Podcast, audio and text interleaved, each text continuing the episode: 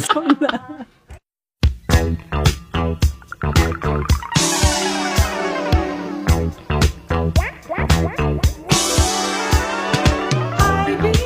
今日の大阪の日の入りは午後7時12分です口で吹いただけで生意気なやつだと言われるとは思いませんでしたね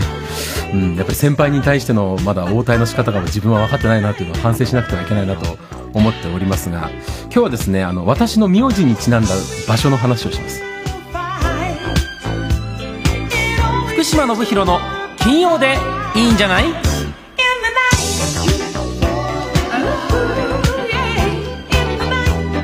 皆様こんにちは MBS アナウンサーの福島信弘ですこんにちは MBS アナウンサーの関岡香織です平日と週末が交差する金曜の夕方2時間ばかりのリラックスゾーンをご提供します福島信弘の金曜でいいんじゃないのお時間がやってまいりました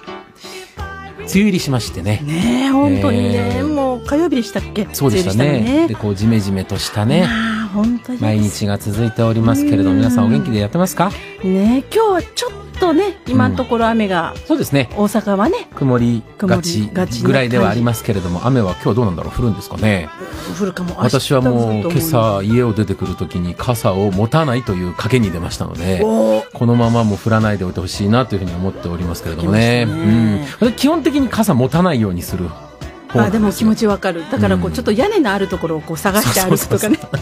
そうそう通勤経路である程度濡れない場所分かってますからね。あとあの日差しがきつい日はあのちゃんと影を通れるようなコそうそうそうそうースもちゃんと自分なりにこう組んであったりとかしますからねそうそうそうあります。それまあこのままなんとか天気持ってくれたら嬉しいなとは思いますけれども、まあ梅雨は雨が降るものですからねそ。うなんです洗濯物が乾かないのだけが辛いカビが元気で困りますいね。や本当にねカビばっかりでしょ元気なの。そうなのよ何なんですか本当に。そう洗ねえ濯機が壊れてねあらもう大変でしたこあのれ時期に本当困りますねそら辛いですねそどどうしたんですか、で次の日に買いに行ってはその3日後に来たんですあ、よよやかっったと早いからね今ねそうでもその3日間がもう本当地獄でしたどようしてんですかたらいかなんかに入いれやてだからコインランドリー行ったんあですよコインランドリーねこれが結構お値段するんですよねあれあびったくだりしました最近なん1000ぐからいきなんかこう機種もすごくいろんなのが出てみてたいですけどねいいでしょなんか綺麗になってたりとかうんね綺麗しなんか休憩所のところにいろいろ本が置いてあったりとかってするんですけども、そうですよねうんでもやっぱりね、まあおまあ、4人分ですからね家族そうですよねなかなかこれやっぱり大変ですねありがたいコインランドリー行くとなんか大阪ウォーカーのめちゃくちゃ古いやつとかよく置いてありますけどあれなんでなんですかねあーなんかなんですかなごく古い雑誌とか置いてあるでしょそうそうそうあれ入れ替えないんでしょうねあれねでもななんとなく面白かったりしますよねうんもう23年前の芸能誌みたいなそうねそうそうそうあこんなのさあったなあベッキーちゃんあみたいなねなんかそういうこと考えたりとかしたりもねするかなと思いますけれどもねあとのいうようなまあこんな大変ねなこともありますはい、うんそういうような毎日を過ごしていると思いますけれども、まあなかなかお出かけできない状況がまだ続いている、そうねうん、どうおぞ外でご飯食べるのも言言っていいのかなみたいな感じでそうねまだこうそろそろってぬ抜き感足差し足忍び足みたいな感じでお店に入っていく人をよく見かけたりもしますけれどもはいまあお店やってる人からすればね早く来てくれないと困りますからやっね。ぱりね、ええ経済も回らないので、そこはうまくねあの、うん普段通っているようなお店にまた行き始めたりしてもいいんじゃないかなと私は思ったりしてるんですけれども、思います私もあの最近取材がですね私たちもなかなかできなくて、ねえ、うん、辛いです撮ね影外に出て、インタビュー街の人にっていうのも、はいまあ、あのゼロではないですけれどそうもそう極力減らしましょうというようなね、まあそうですね会社の方針が出たり距離とを取かってっていうことがあるんですがなかなか、うん、スタジオ思うようのには展開もね、はいもうだいぶ慣れてはきましたけれども、うんタレントさんたちは画面越しでねそうリみんモーなト、うん、で、まあ、毎週土曜日の朝皆さんどうでしょうご覧になってるか分かりませんけれども「サタプラ」っていうねああ番組があって、ね私がかつてはやっていたんですが今変わりまして、光弘正樹アナというね私の後輩のアナウンサーが今、そうですよね全国ネットで司会で東京都の出身ですからもう大喜びでね やっていますけれどねもえなかなかそのスタジオにタレントさんたちが来られない状そう況なんでですだって1回目からでしたからねそうですよあの新しく光弘さんになってからね、リニューアルしたのにねええかわいそうだなと思いながら見ているんですけども、まあなんとなくだんだんみんな仕事の仕方も分かってきてね、えーでリモート会議なんかも増えてきましたすごいですね、便利です。はい、うんそれからあのもうあの寄せとか、うんそういうのもちゃんとお金を払ってあそうそうそうっていうパターンでそうです見られるようになりましたね。あと今私たちの会社で言う公演と、とか水曜トークショーっていうのをね、はいはい毎月、毎週か、あの、うんエンベースの1階でやってたんですけど、はいはいそれがしばらくできなかったんですが、うんもうちょっと辛抱たまらんとなりましてですね、えー今度またやることになりましたので、そうですねはい。告知しましたもんねえー先週も言いましたけれねども、ねいつだっけな、またちょっと後ほどちゃんと情報を出してご説明しますが、もう一度ね。あの、焼きそばかおるさんという、そうです。この番組にも何回か出てきているはい。人が出てきて、東京からこっち来るって言ってました。あ、はいそうですか。特に問題が大きくなららない限りはね。それもリモートでだったらちょっと嫌だちょっとね、辛い。福ちゃん辛いよね。うんで、読んで、で、それをインターネットで配信するということになりまして、ゲストの方もね、あの、二人ほどそう招こうと思っております。へはい。ー番組のまた後半で、こわ詳しくは言おうかなと思っては楽しみいるんですけども、うんえーみんな大好き女性アナウンサーが登場しますので、あら、はい誰かしら。 MBS ではない、ああ、別そうなの地域のアナウンサーが出てくる予定です。の。おうーん、なので楽しみにしておいていただきたいな、ラジオファンの皆さん特にそうかなというふうに思っているんですけど、そまあ、とにかく私たちの取材も最近はもう画面越しが増えているんですよ。で、いつもね、あのー、ど、どこかにまた取材にさせてもらいたいなと思って、そうはいで、まあ、どこか応対してくれる方はいらっしゃらないかなといろいろ考えてたんですけど、うん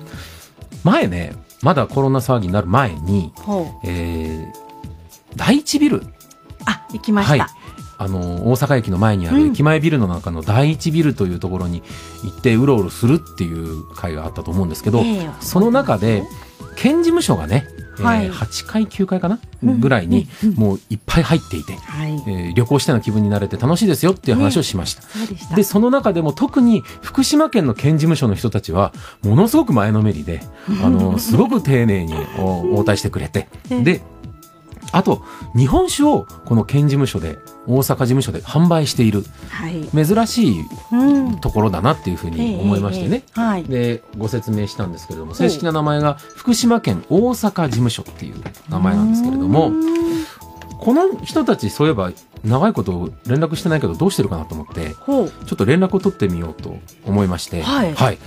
連絡をしましたところ、今回はい、もうなんかね、あの、すごい前のめりで、あ、はい。まだ今回もあもうリモートでも何でも取材、ぜひぜひみたいな感じで、 ありあがおたい。話しさせてくださいみたいな感じで言ってくださって、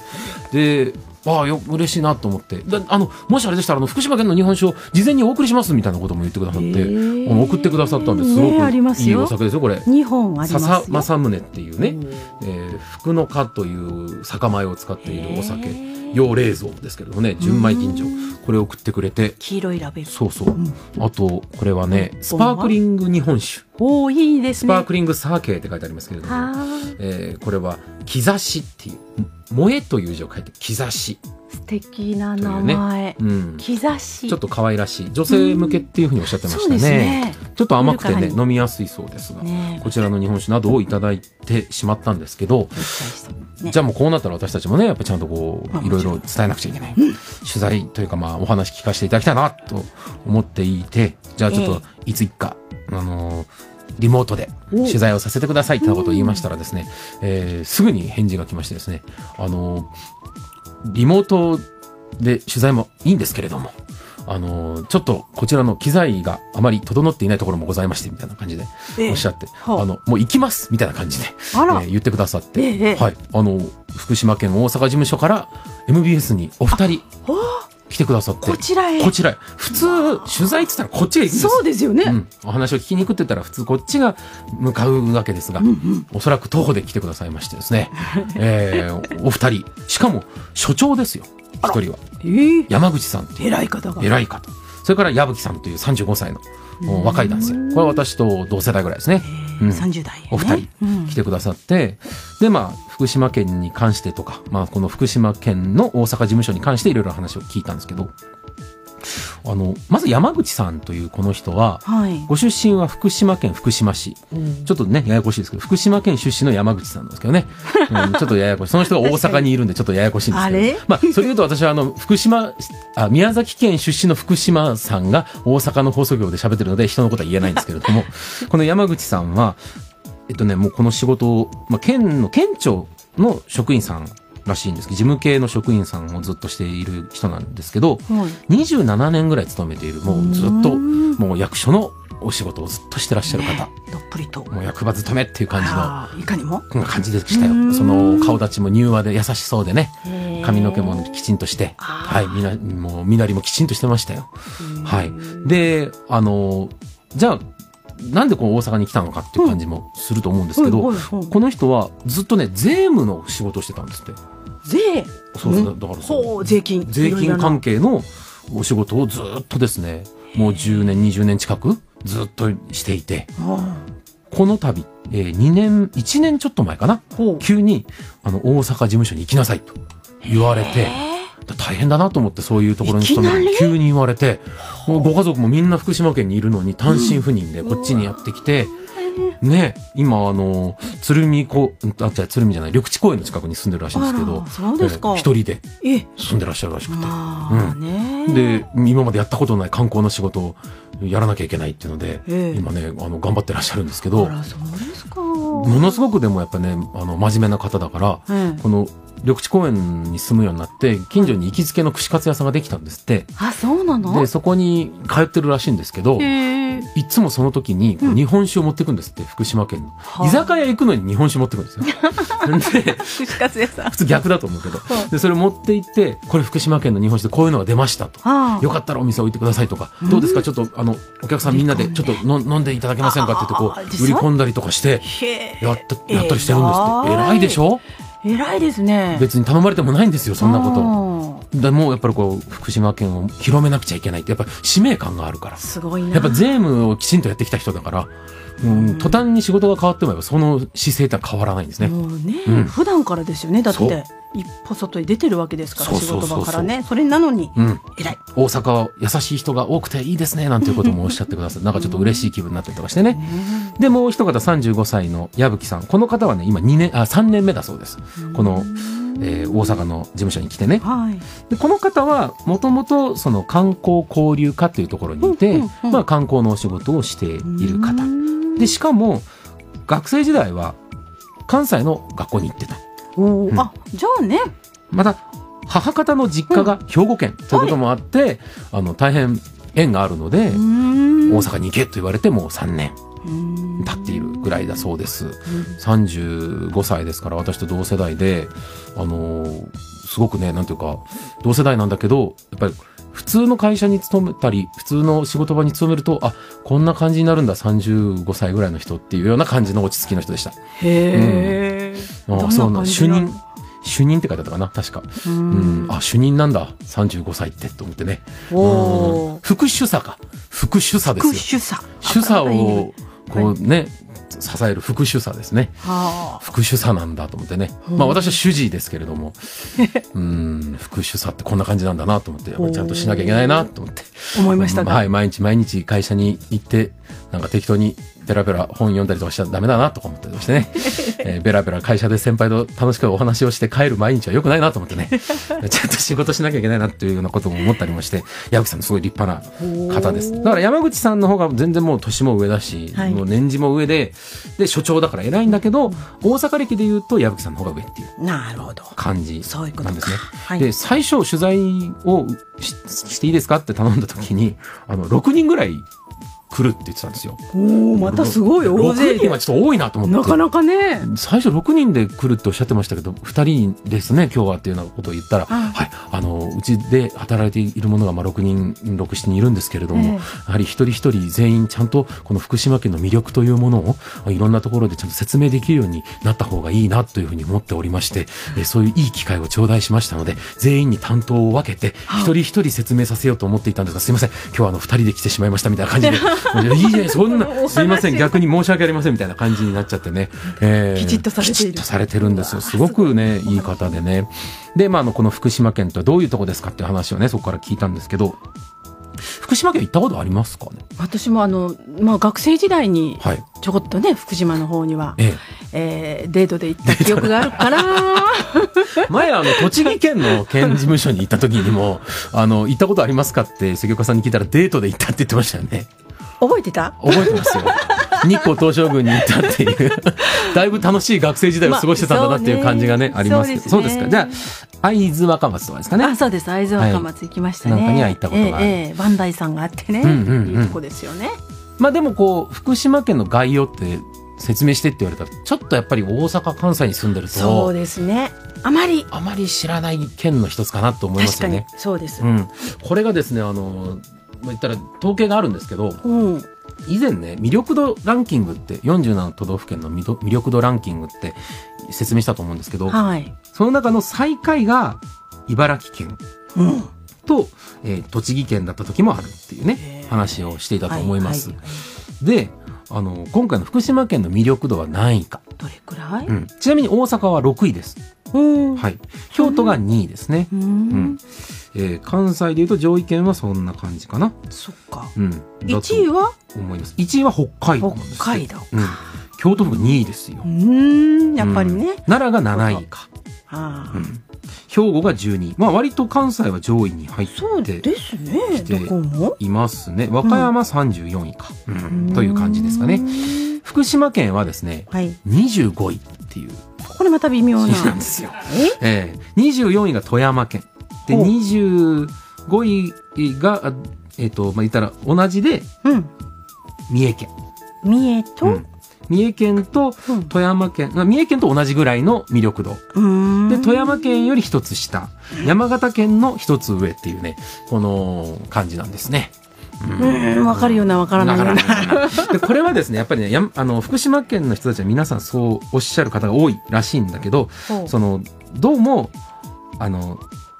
あんまり特徴がない県だっていうふうにおっしゃるんですね。あ、もう福島の方々福がそ島うおっしのゃる県のの方が、あの、県じ事務所の方じゃないですよ。ほうほう福島県に住んでる方がよく言うことの一つとしてうー、んあんまりこの、その有名じゃない、その押し出すような何かがあるわけではないなっていうふうにそうか。言う方が結構いるんですって。まうーあんね、自分の都道府県の自虐ってみんなそれぞまあれま思あ、ってる確とかにね。思いますけちょどっとね。控えめなんじゃないでじゃすかあそれもあると思う。それもあると思います。うん。でもね、話聞いてるとそんなこともないような気がしてきたんですけど、うんまず大きく福島県はですね、土地が広いんですよ。ほう。北海道が1位、うで、ん岩手県が2位、で、面積で言うと福島県は3位につけるらしいですね。そんなめちゃくちゃ広いんです広いよの。県のその広さがものすごく広い。にただへ7ー割が森林。あ、7割も。ほぼ山、ほぼ森、はあ。ほぼ湿地、ほぼ湖みたいな。はあ自然いっぱいだ。高原もあるし。そう。ただ自然は本当に豊かなところで、うんあのー高原があって山があってで山脈が2つ通っていて、でそれから、えっと大きな猪苗代湖という湖猪苗代湖があり、ねで湿地帯も広くあってうん海もあ,、ある県なんですね。そう考えたらとてもねなかなかいいとこですね。そうでしょ、うんで温暖なエリアもあるんですよ。でうん一方でもうい1年間の温度差が40度ぐらい開くむちゃくちゃ暑い時と寒い時の差が激しいという雪深いエリアもあるんですって。へーっていうぐらいこう、まあ、いろいろ選べるんですね。福島県と一つに言っても。いろんなこう良さがあるんです。まず大きく福島県のことをまず考えるときに覚えておかなくてはいけないのは、3つのエリアに分かれるということなんですね。三つ。はい。最おも太平洋側に位置しているのが浜通りっていうふうに呼ばれます。へーこれあの、3.11の震災がはいはいは起いこった時にありよまくした聞ねくとはいようになったと思います。はい浜通り、そうですね浜通りってね、よく言うようになりました。ありま海側のことを浜通り。これはどうも街道、海の道と書くね、街道があって、そこからこう名前がついたみたいですけどね、なるほ浜通どり。浜通り。、で、浜通りからだんだん内陸の方に向かっていきますと、はい。まあ、新潟県側ですね、ええの方に向かっていくと、えー、阿武隈山地、阿武隈高地って呼ばれる、まあ、高い山があります。はで、これを越えると、中通りっていうエリアになる。い。中通り。はいほう。ほうで、県庁所在地の福島市はこの中通りに位置していてう、ん国道4号とか、それから東北縦貫道、ほうそれから新幹線なんですね。東北新幹線。こんなのは大体この中通りをズバッと通り抜けている交通の要衝がある場所です。まあ、広げているというかね。白川の関なんかうんなは、るこほれどの、まあ、南側にあると思ったらいいんじゃないですかはね。いはい。そしてこの中通りからさらに内陸部に進むと、大宇山脈っていう山脈があって、これ山がまたありますうん。うんで、そこの先にある盆地が会津という場所なんですね。うんで、この会津というところは、お城が、今も綺麗なお城はがい残っていて、はい。えーそれから、まあ、なんていうんですかね、こう、蔵があったりとか、はい。あの、古い街並みがちょっと残ってたりとかするのうで、ん観光都市、それから温泉も大変多いエリアなのでそっか、まあ、会津に、福島県に旅行に行ってきましたっていう人は大体この会津に行く方が多いんじゃないかうとんいうような感じ。多分関岡さんが言ったのはこのそ辺うりとこの辺りですねいうことにはいなりますね。はいという、まずこの大きなエリアを認識しておくことが必要になってきます。はいそして福島県の特徴としてもう一つ言えるのは、えーどこかの都市がめちゃめちゃ強いっていうのがないっていうことですね。例えば大うん阪府の場合で言うと、やっぱりなんといっても政令指定都市大阪市が一番人口も多いし、そうねまあ、産業会社が多かったり、うん経済なんかも大体このん大阪市に集中していて、そうねはいまあそれから堺なんかもまあ大きい町だったり高槻が大きかったりとか、まあ、それうんそれあると思いますけれども、まあやっぱり大阪市が行政の中心でもあり経済の中心でもあるっていう感じはありますよね。うんうん、でまあ兵庫県だったら神戸がやっぱり強いでしょ、はいうん、で京都府だったらやっぱりなんつったって洛中京都市がやっぱり強いですよね。そうねっていうふうにこう各都道府県ってのは大体県庁所在地が強いんですけど、ほうこの福島県ではですね、まず県庁所在地、つまり行政の中心は福島市。ほう経済の中心地はうん、新幹線の駅がある郡山。郡山ああそうかでしょ、はいだからはあの福島空港もこの郡山の近くにありますいね。そうかはい。で、その一方で人口が最も多いのは、うん浜通り側にあるいわき市っていう。こいわき市ねこはものすごく人が多い。あらしいんですあーそうなんですたかだやっぱり文化の中心地は会津若松。というふうに分かれていて、おお都市がそれぞれなんかねあのばらけてばらますけねてるんですよ広い広い土地の中にいろんな町があるんですようーんこれがね多分全国的に見てもそんなところあんまりないんじゃないかなっていそううね気がするんですよね拮抗してるんですね町がそういうねことなんだ、それぞれにでだから特徴があるんでしょそうそうそうそう実はそれぞれねねうん、っだからどこかがこう秀でてるとかって、うんそういうイメージではなくてズズバンバンとズバンとってなってるわけでいうのはないんだそうですねへーええと思って私福島県結構行ったことあるんですけどないうんああのの福ちゃんは歌碑物が語というコーナーをね、ああ新婦一婦でああ担当した時にも、歌碑多いんですよ、福島県って。そうか、うんこれなんでかというと、作曲家の小関裕二さあん。もうそうですよねでしょ今ねそれから春日八郎さん。ああそうかね霧島昇さんとかね、伊藤久夫さんとかね、有名な人いっぱい出てるんですよ。すごいじゃないすごでいすか、すごいんですよ。福島県はそう。福島県はね、えー作曲家音楽関係者とアンモナイトがよく出る場所なんで すね。これはですね、覚えておいた方がいいと思いますね。なんもないと思アうンモナイトもよく出てくるんですね。あそうはい。あの、知らなかったアンモナイト博物館みたいなところもあります。へえ、あとね、んなんか私調べてて、えっと思ったんだけど、え、会津海牛センターみたいなところあるんですよ。会議会津海牛ランドっていうのがあるのかな。ほうほう、うん何それはあの、海牛っていう、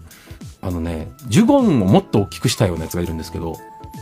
ステラ海牛って聞いたことあります、あーはいはいはい海の虫って書く、はいはい海牛海。昆布ばっかり食べてるやつがいて、はいあまりにもあのぼんやりしてるから乱獲でいなくなっちゃったやつがいるんですけど も、でっかくてね。ほうで、その海牛の化石がどうも、この福島県で出て、それの、なんか、記念館みたいなものがあったりとかするらしい。だから化石がよく出る場所でもあるみたいです。なんか調べていたらね。へー面白いなと思っ面たんです白けいどね。ね本当、うんえーそうだったのそうなんです。あ、そうだ。あとこれ言うの忘れてたんだけど、あの、福島県はどんな形してますかって聞かれたら、うん福島県の人は、あの、オーストラリアに似てますっていうふうに答えるんだそうですね。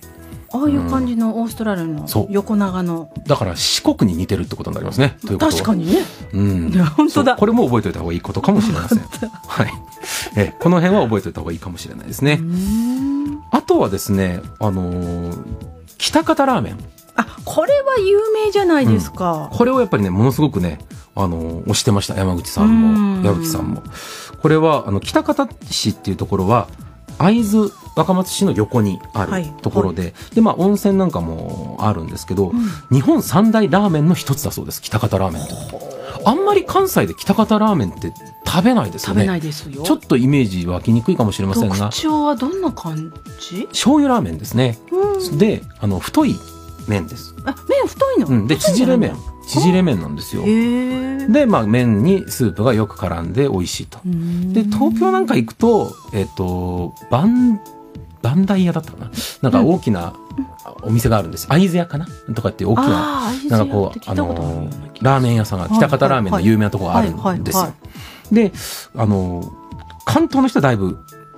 知ってるらしい。この喜多方ラーメン。でもへー関西はまだちょっと認知度低いかなっていう感じしますよね名。前は知っていますけどうんこれだって言って食べたことはないですねそうですよね。そういえば。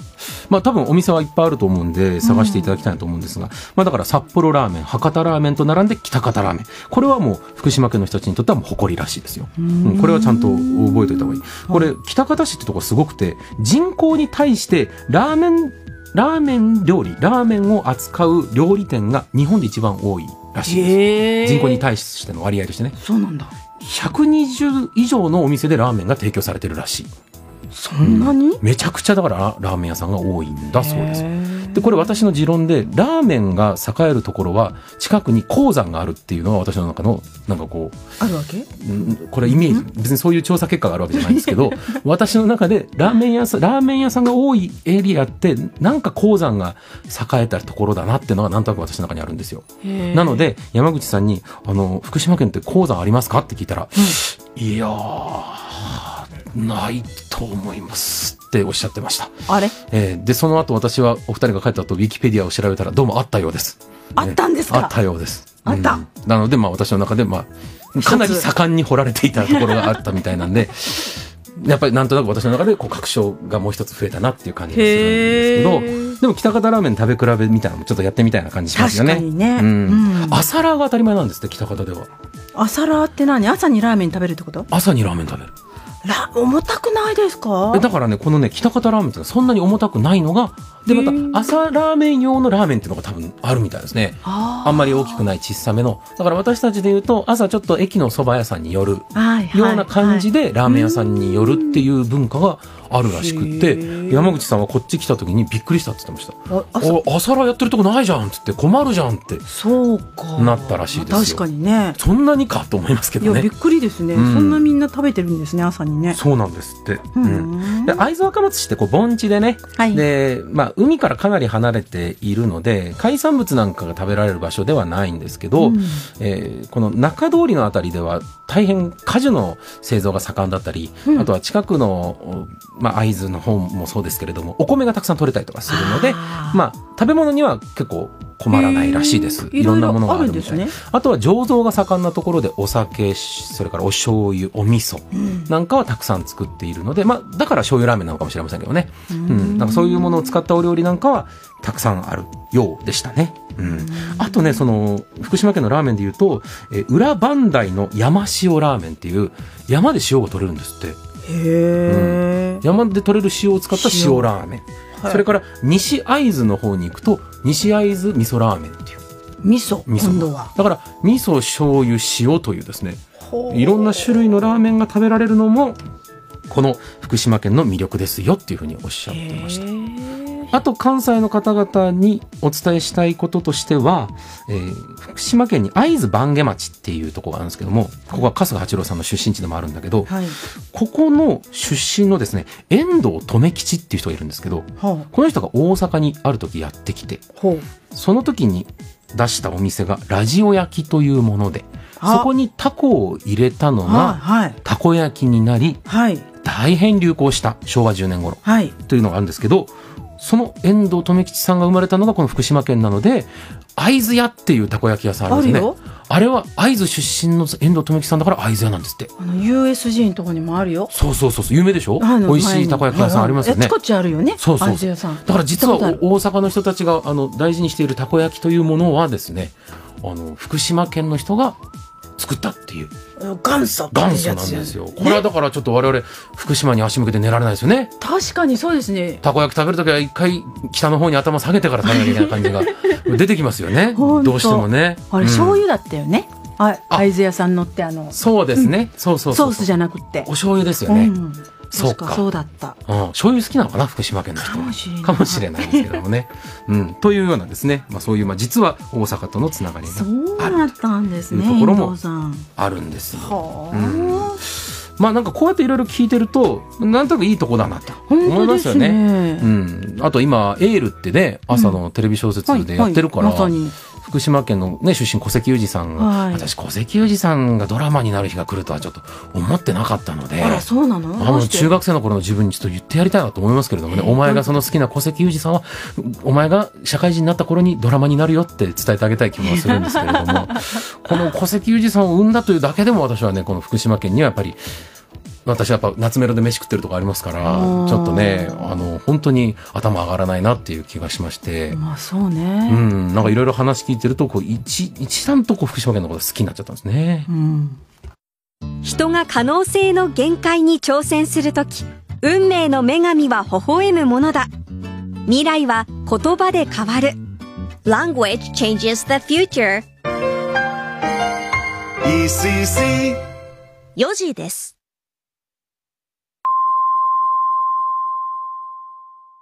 いっぱい夢を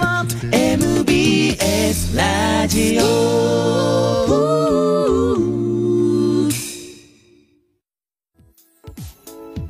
なんかね、こう、謙虚にこう、いや、福島県は別に目立つことないですよって、確かにその数値で言うと、何かがずば抜けて、一番一番一番ってなってるわけじゃないなとは思うんですよ。うん。確かにあの、福島県桃が取れるんですって、たくさん。中通りのあたり。桃が大変有名らしいんですよ。そう、生産量すごく多い。ないの、福島も。西日本だとどうしてもね、和歌山県、そうそうそれから岡山県のイメージが強いと思いますけど、岡山がやっぱりね、で山梨。ううん。ん。そうですね。生産量で一番多いのは山梨県。うん2位が福島県なんです、桃は。うんそれからね意外よ意、外えー、梨、日本梨。うんこれもね、よく取れてね、生産量はね、全国4位なんですね。あら、えそうー、。きゅうりはですね、生産量が全国4位。 4う位。ん、トマトは全国7位、アスパラガスが全国8位、なめこが全国4位ということで、1位が全然ないんですね。どうなんだ、これは。 1位が全然ないんだけどあら、でも、そう聞くとね、なんか1位じゃないのかよと思うかもしれないけど、ええこれだけ豊富なね、農作物があって、うんで、海の方、もう海もあるから、太平洋に面してますから、そうねいろんな海産物が取れます。うんで、その醸造も盛んで、お酒も美味しい。うん。で、文化的にも経済的にも、まあ、いなんか、なんていうのかな、移住する人もすごく多いらしいんですけど、あそうすごくね、魅力的な県なんだってことがね、お話聞いてると。そうですね、確かにね。よくわかりました。うんで、今、コロナ明けでね、はい。コロナ明けを狙って、うん。各自治体がものすごい PR 合戦をしているところらしいんですよ。へえだから福島県としてもやっぱりどうしてもこれからの季節、まあ、暑くなって、で、これが秋が来ますから、その行楽シーズン、ぜひともこの福島に来てほしいと、温泉もいっぱいありますから。そうね。うんいいいとろこいいんんじなゃない温泉がうん。あるので、まあそういうところにも来てほしいし、で、そのお城もあるから見に来てほしいし、美味しいものも食べてほしい。で、やっぱりね、お酒をね、これからね、ガンガン押していきたいというふうに思っているらしくて、うんそれで一番今推してるのがこの笹正宗っていうね、お酒らしいんですよ。これがね、あの、福の花っていう酒米を使ってるんですって。いい名前ですね。あの、日本酒に使うお米って山田錦ってのがすごく多いんですよね。はいはい。うんなんだけどこの笹正宗に使ってる福の花っていうのは福島県の、おまあ、独特のお酒を作りたくて開発された酒米らしいんですよ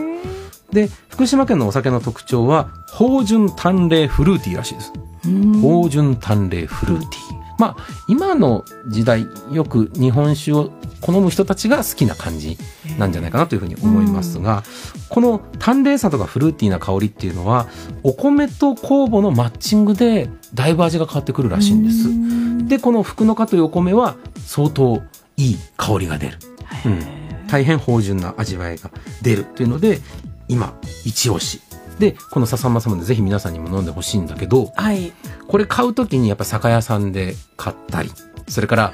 うん、そうですねその辺の居酒屋さんでありますか、はいって聞いたりして飲む方多いと思うんでそうすでけすど、ねぜひこれは私はですねこの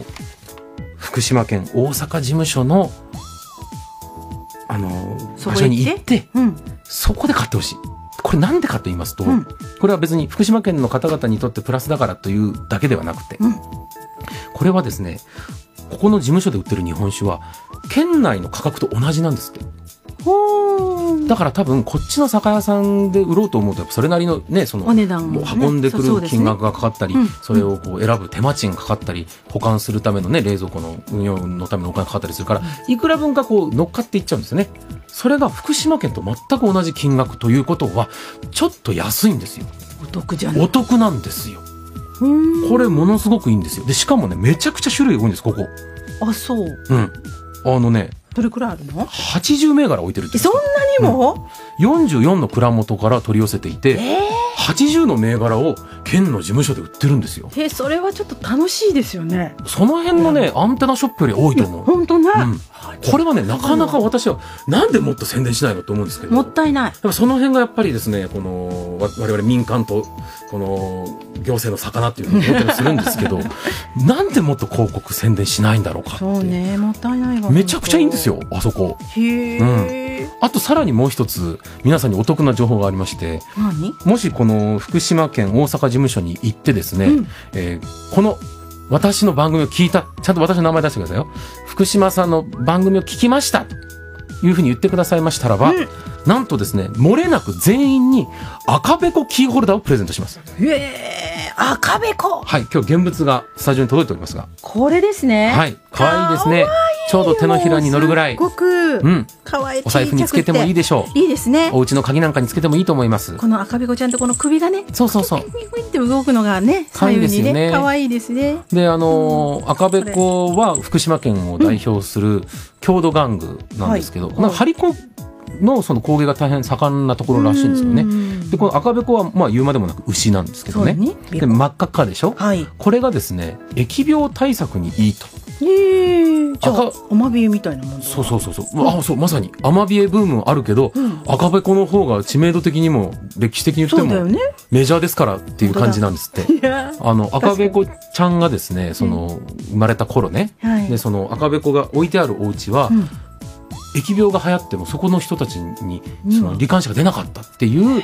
なんか言い伝えがあるんですって、そううですんだから赤べこは身につけとくときっといいと思いますよってなことをおっしゃってました赤べこってあの腰のあたりに大きな白黒の斑点みたいなのが描かれてますよねはいこれ何だろうと私は思ってたんですよ、前から目かな、でも目はお尻についてるのおかしいなと本当ねこ思れってたら何これはね天然痘の跡らしいです。うん、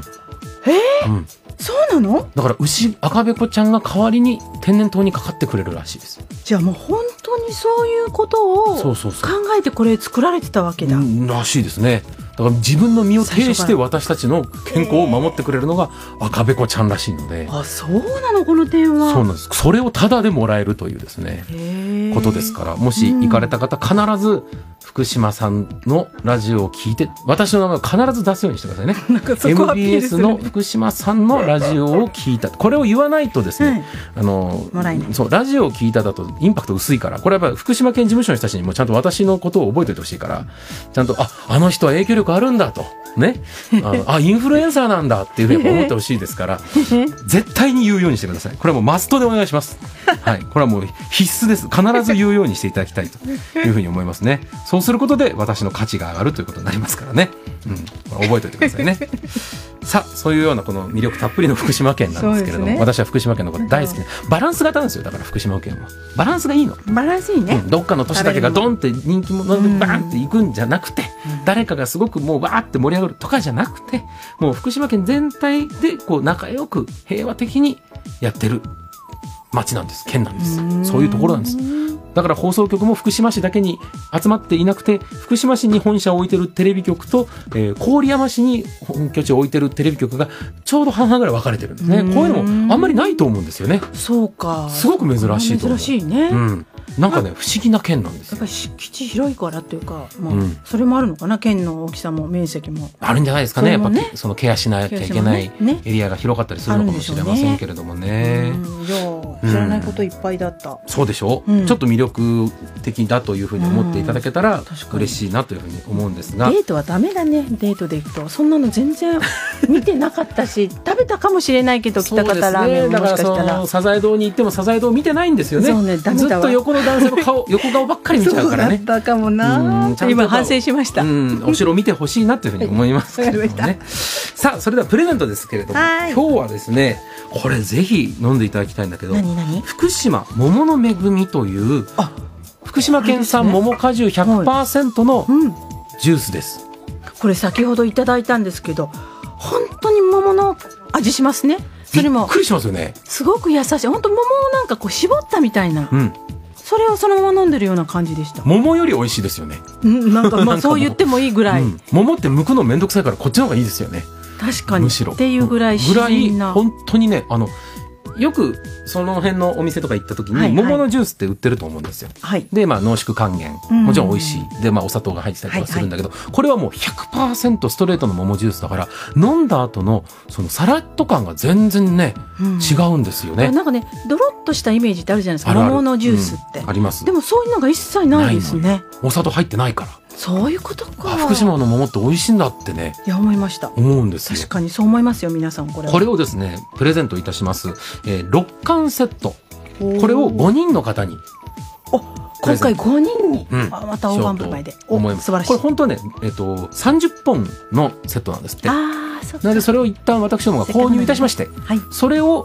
えー、と5人に分け5人。て、はい。えーじゃあ箱詰めしてお送りするとほう。いうことをしようと思いますのでわかり明まし日県事務所に取りに行こうと思ってお る来週かな来週ですか来週ぐらいに県事務所に我々が取りに行こうかなというふうに思っておりまた。 す細かい情報を。はい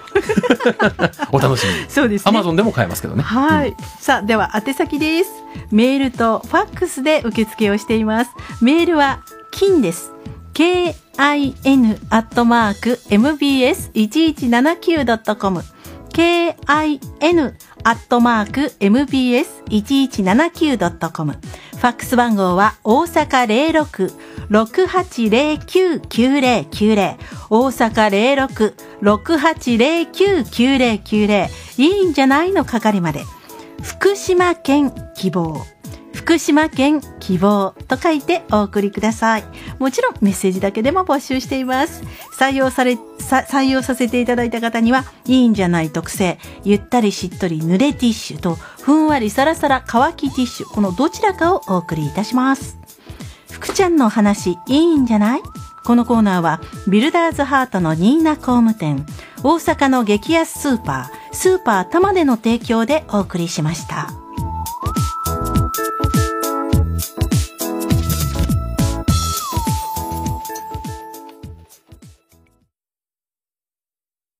パパ、私お嫁に行きたくない。彼と喧嘩でもしたのかわかったパパと離れたくないんだなじ違うわ。このニーナ工務店の家から離れたくないの。ゃあ二世帯住宅にするかその言葉、待ってました。ずっと離れたくない居心地のいい家。ニーナ工務店。安売りのスーパー玉で安売りのスーパー玉でプロの料理店も信頼の安くて新鮮なお魚とお刺身もおすすめです包丁がなくても大丈夫無料で魚さばきサービスも実施中毎日1円セール開催中全店舗で PayPay ペイペイも使えます安売りのスーパー玉でさあ今日はですね、はいあの福島県の話をたくさんしておりますけれども、えーイントロクイズそうなんです。これをですね今日やろうと思っておりますはいえーイントロクイズもいいんじゃないを行おうというふうに考えています抽選でリスナーの皆さんと電話をつなぎましてある曲のイントロをかけます曲名を答えられたら最大お金1万円をプレゼントというですそうねですよ1万円ですちからょっねと豪華ですよ。一万。これは大変なことになりますけれどもね、当てる曲の年代が60年代70年代80年代90年代2000年以降から選べますで第一ヒントのハイパーウルトライントロっていうもうねみたいなやつですねそうなんですよ。あれで当てたらお金1万円や過去にこれで当てた人もいますそうですよ。すごいです。第2ヒントから第5ヒントまでだんだんだんだん段階的に優しくなっていくんですが、はいはいその分お金は減っていきますけれども、第5ヒントで答えもうこれ第5ヒントほぼ答えを流してるんですけそどうですよれで答えられても500円はもらえますからね、はい。うん、とてもお得なクイズですので、参加していただきたいと思いますよ、えーもうハイパーウルトラで1万円ゲットしたっていう人ももうすでに2人も出ていますからね、ぜひとも皆様ご参加いただきたい今日やります今日やります、今日この後番組後半でやりますのでそうですねぜひともご参加くださいご時代メールかファックスでご応募ください宛先ですメールの方 kin.mbs1179.com kin.mbs1179.com ファックスは大阪0668099090番までお送りくださいおところとお名前とお年と電話番号これね住所書いてないとはい1万円送れません、いやそうなんですなんでお名前もないと送れません 大事大で事ご年齢もなんとなくこっちのあの市場調査として必要ですので、年 齢それから電話番号イントロクイズ希望これを書いてですねぜひともお送りくださいたった数分のチャレンジで1万円が手に入るかもしれないそうです。このチャンス逃すわけにはいきませんぜひともご参加くださいキャッシングの過払い金は中央事務所。代表は法務大臣認定司法書士の田中修平。過払い金の返金には期限があります。多くの方々の過払い金が期限切れにより消滅していますので、あなたの過払い金の期限がいつなのかだけでもどうかご確認ください。0120-10-10-10-10-10-10 10 10うちの商品の評判が良くて、商売も繁盛してるわ。 ラジオ CM 作ってよかったそうな。ですね社長笑いが 止まりませんねこれで私の給料も倍になりますねそうやな。なおな。 ラジオ CM のことなら MBS 企画にお任せください。MBS 企画で検索。福島信弘の金曜でいいんじゃないツイッターは「ハッシュタグ福金」でお願いします MBS 交通情報です。精力剤の赤ひげ薬局がお送りします。交通情報センターの千原さん、お願いします。はい、お伝えします。中国道が工事のため一部通行止めになっています。中国道は上下線の吹田ジャンクションと中国池田インターの間が大規模な修繕工事のため昼夜を通して通行止めです。阪和道は和歌山方面からの北行きの三原北インターの入り口が緊急の工事のため利用できなくなっています。ご注意ください。阪神高速道路の状況です。3号神戸線は環状線方面に向かう東行きが生田川と阿波座でそれぞれ1キロ渋滞していますこの他の路線に渋滞しているところはありません一般道路の状況です中央環状線は堺方面に向かう南行きが森口市大日町1丁目で3キロ渋滞しています八尾枚方線は枚方方面に向かう北行きが東大阪市久住橋で2キロの渋滞です次は5時頃です道路交通情報でした担当は千原さんでした。 ED に聞く ED? ソロに聞くソロ塗って聞くヘアグローンヘアグローン ED ソロに聞くヘアグローン赤ひげやエアグロンは第一類医薬品。薬剤師から説明を受け、使用上の注意をよく読んでお使いください。芦田愛菜です。中国道リニューアル工事のお知らせです。28日朝5時まで、吹田中国池田間は終日通行止めです。新名神などへの迂回をお願いします。28日朝5時まで、ご理解、ご協力をお願いします。中国道リニューアルで検索、ネクスコ西日本。朝疲れが抜けていない人昼もうひと踏ん張りしたい人夜疲れが溜まって辛い人体全体の疲れに1回1錠キューピーコアゴールドアルファプラスです第3類医薬品です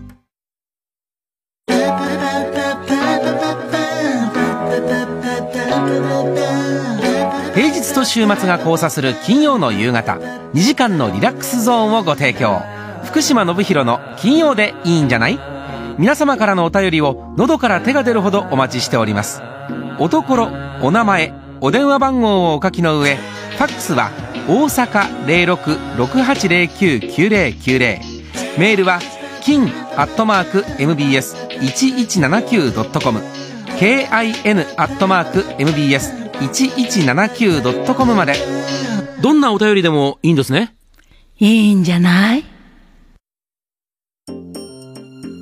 ハピネスクラブラジオショッピングのお時間です。若松さん、お願いします。よろしくお願いします。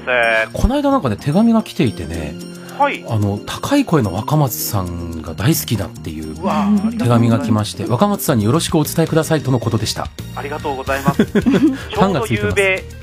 メッセンジャーの黒あ黒田さんとそはいんなお話を放送でしたとこでした。あそうなんですかえーそうなんですあの昨日7え6時から特番がはいはいはい。あってですね、ええそこにあのあのラジオショッピングを知る人っていうことで、うんあのお話インタビューを受けまして、あ、そうでしたか。うんそ。こでちょうどあの、えー、とラジオショッピングはなぜ声が高いのかっていう話になってて、おー、そうでしたか。なんでなんですかもう純粋に聞きやすい、聞き取りやすいだろうからっていうことだと私は思ってます。へやっぱあのー AM ラジオ、まあ、今、ワイド FM がありますけれども、はい。あのー車の中で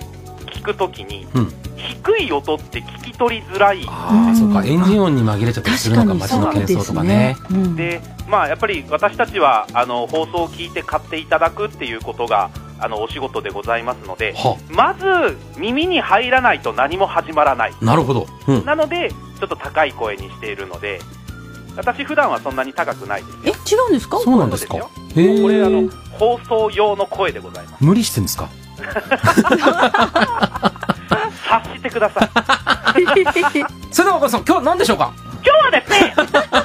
あれ余計聞き取りづら いですねはい今日は特選厚切り焼肉セットのご紹介あいいわこれねこれもねそうも う焼肉を考えたやつは偉いなと思いますね。本当にねうまいもん。いやー食べたい食べたい。食べたいのよ。はい、というか割と多分あの原始時代から一番最初に食べたような食べ方だとは思うんですでけどもテーブルの真ん中に穴開けてですよ、そこにあの煙を吸う機械を入れたりとかですよ、ものすごいなって思うけど、なかなかこのコロナ期間でね、私たち外でそうなの食べたりできないから、やっぱりお家でね、お肉買って、そうです焼肉したいなと思うこと、多くあなりりままししたたよあねりま、したすごく増えましたよね。なので、うんまあ、そういった事情もありますんで、うんいわゆる本格炭火焼肉店の、うんいわゆるあの漬け込みタイプの焼肉をご家庭で楽しんでいただきたいなと思いましてプロ仕様ってことですよね。そうですうわしかもあのよくですねハピネスクラブのラジオショッピングで、うんえーお世話になっているお肉のベテラン目利き野口よしみさんという方がいらっしゃいまして、はいこの方にご協力いただきました野口さんは相当すごい方なんですね。はい、あの本当にこれ九州の食肉業界では知らないものはいないと言われるぐらい、えそうなんだーと九州の肉という肉は食べ尽くしたでおなじみ のすごい人だそういう方なんですよ会ってみたいな。へえ。でこの野口さんにご協力いただけたからこそ、うん希少部位を厚切りで楽しめる焼肉セットが出来上がりました希少部位ってねもう薄く切ってあったりとかするからそうなであと高いんですよねなかなか食べられない、うんもともとはステーキ用として用意された牛ヒレ肉うん牛ヒレを焼肉用の大きさにカットしましたなんと10ミリという厚切りうわ分厚いな、ねすごい赤身が中心で程よいサシが入っておりますうわすごい厚切りの牛ヒレ肉の焼肉ってあんまり食べられないですよね、普段ねそうですね、うんあのー野口さんのところでも通常は焼肉厚み3.5ミリカットだそうなのでええ10ミリとなるとまあお肉を食べてるっていう満足感すごいですそうでしょうねねうん、ヒレ肉に続きまして希少部位座布団ですこれ聞くようになりましたね座布団って時々ね、うんうそうんあの羽下とも言われる部位で、はいえっと大きくくくると肩ロースの一部になりますうん肩ロースとバラ肉の間にあるっていうはいはい赤身と脂身のそのちょうど真ん中のところっていうところなのでいいな、うん、両方楽しめるいいとこ取りですねまああの焼肉カットする前は座布団のような形だから座布団って言われるものですねうん座布団のような形真四角ってことですかこれはですねすいません私ラジオで説明する自信が全くござい ませんあの肩ロースっていうあの丸いタイプのお肉から、はい座布団の部分を切り離すとほうまさに四角いああいう四角くような形になるんですあなるほどそういうことかなるほどなるほどうんうんうんもうこれはあのすいませんお調べくださいませでこの座布団は同じく7ミリという厚切りにカットして、であのーヒレも同じようにこの特製のもみだれに人気焼肉店の店長が監修したもみだれに漬け込んでおりますので焼くだけでビールが進むうわ店の味わいになります素晴らしいですね。もう手軽ですよね。焼くだけでいいんだもんね。そうそう助かるうん。でお届けしますのは、ヒレ肉が 400g 入りの4人前おお。座布団も 400g 入りの4人前おうこの2つで合計8人前ですねはあ、八人前か。結構な量ですよ勝負こ員れは八人前。こうんれは大変な金額じゃないですか。いやいや、うんあのー少々お待ちくださいませえ？まあでもカルビがないと焼肉って始められないと思うんですあ確かにねうんうん確かにね確かになので焼肉の定番牛カルビほこっちも7ミリの厚切り 400g2 パックええ8人前をセットにしておりますそんなにつけるの？これはまたちょっと値段上がりますそうよ。これ普通に考えたら。でもうん大丈夫？でもでもでもえ何焼肉とビールとなればはホルモンがないとダメでしょ、まあそうね。やっぱちょっとホルモンないとちょっと終盤ね、ちょっとキャラ変していかないとその辺ね。確かにちょっとこうねわかります。うん変化球が欲しい。牛ホルモンの島町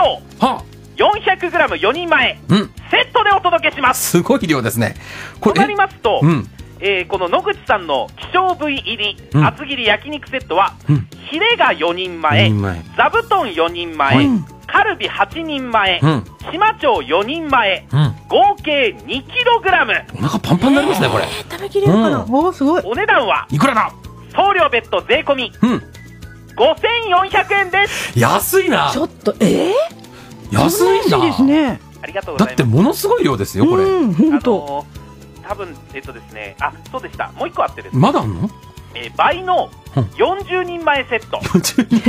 ?40 人 ?10 世帯ぐらいかな、イメージで言うと。うん送料別途税込みの9980円、ええですから1人前が250円という計算いやいやいやなん、おとかしいでしょ。どうしてあのですね、もう一つだけ、やっぱもう、あのちゃんと言っとかなきゃなと思うのがですね、うんうんえっと、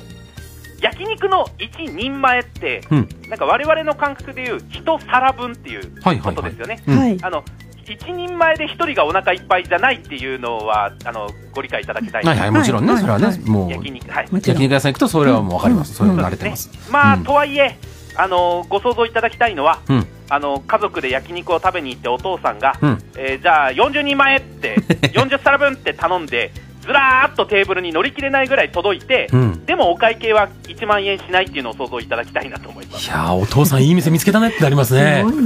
いや、これはすごい金額ですよ。安すぎるわ。こちらが厚切り焼肉セット、えー20人前税込み5400円、はい、 40人前が9980円です、はい、お肉の方はですね、あのメキシコ、ポーランド、アメリカ産牛肉っていうので、野口さんが選んでおりますなるほど。限定50セットです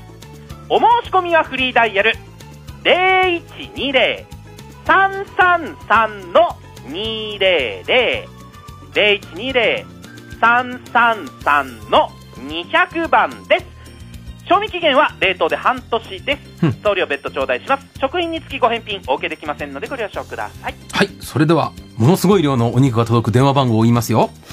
0120-333の200。0120-333の200です。もうこれは買ったらもうお祭り騒ぎですので、ほんとね皆さんもぜひ注文してください。若林さんどうもありがとうございましたありがとうございました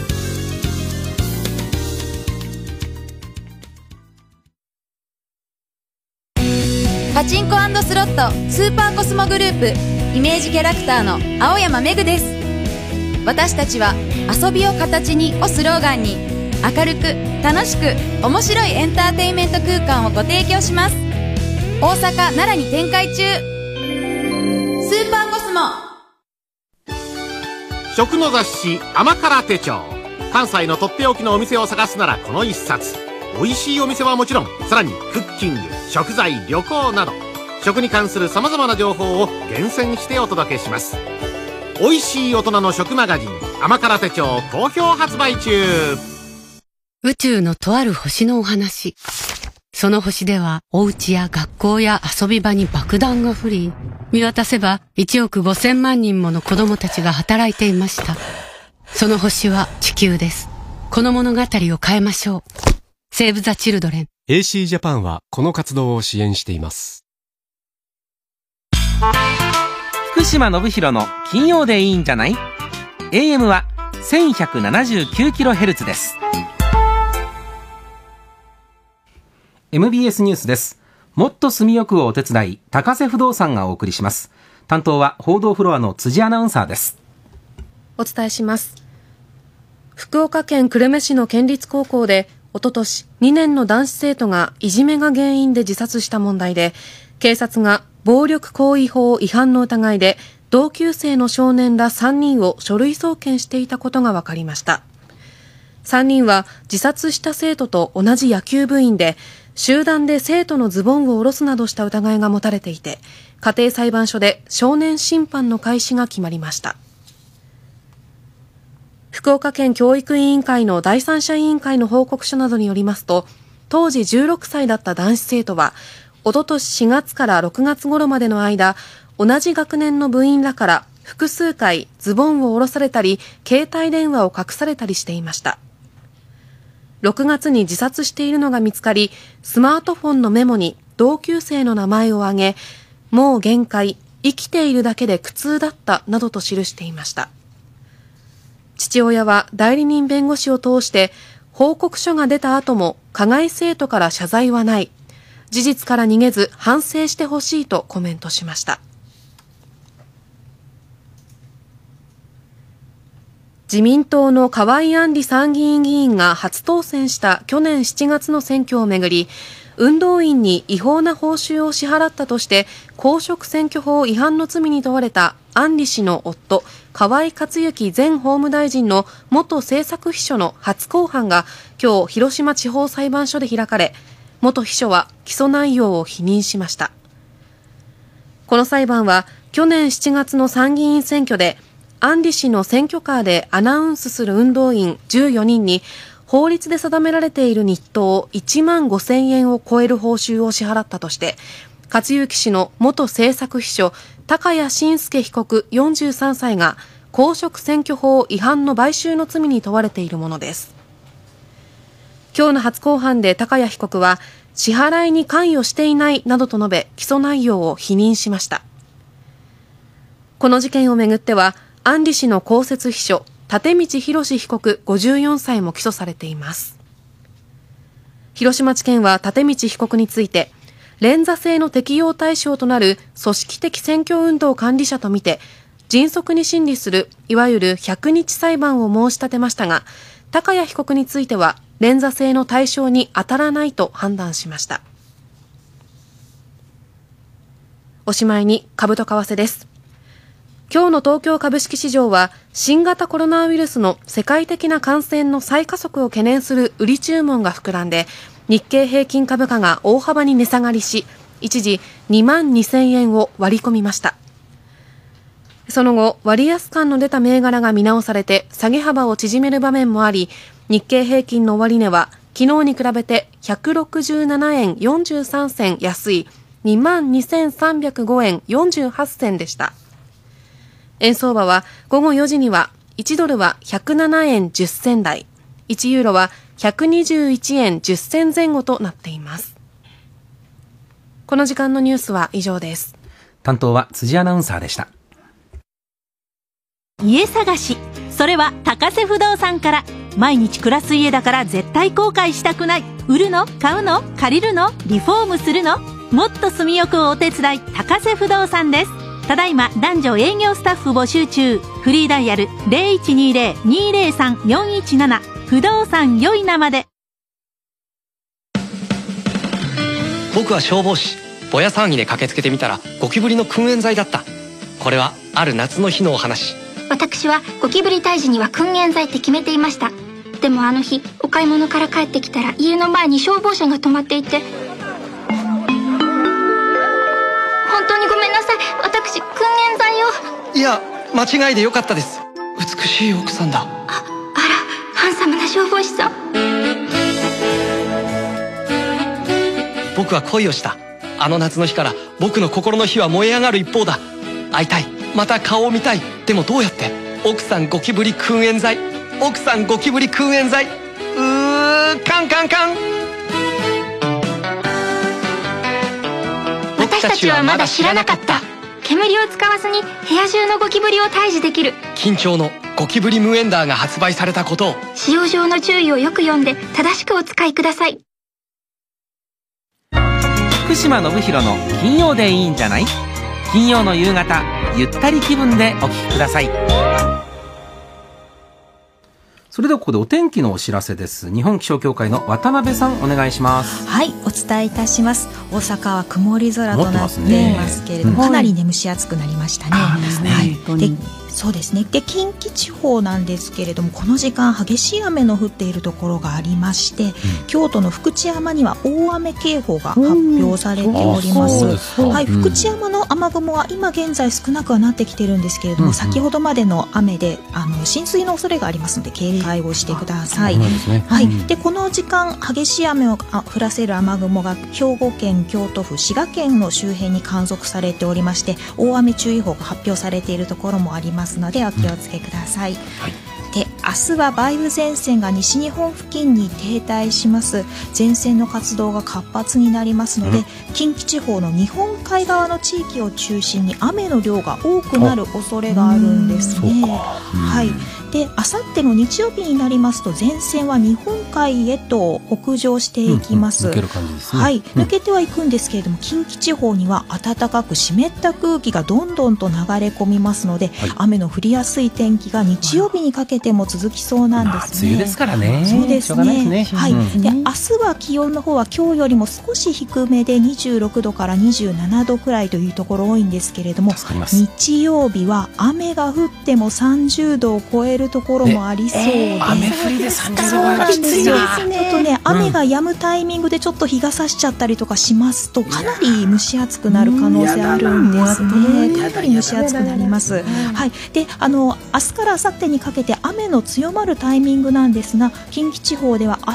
日の午前中そして日曜日の午前中中心にあ北部を中心に雨が強まる可能性がありますのでお気をつけいただきたいと思います、そしてそして熱中症にもくれぐれもご注意いただきたいと思いますはいお天気こういったところですはい担当は渡辺さんでした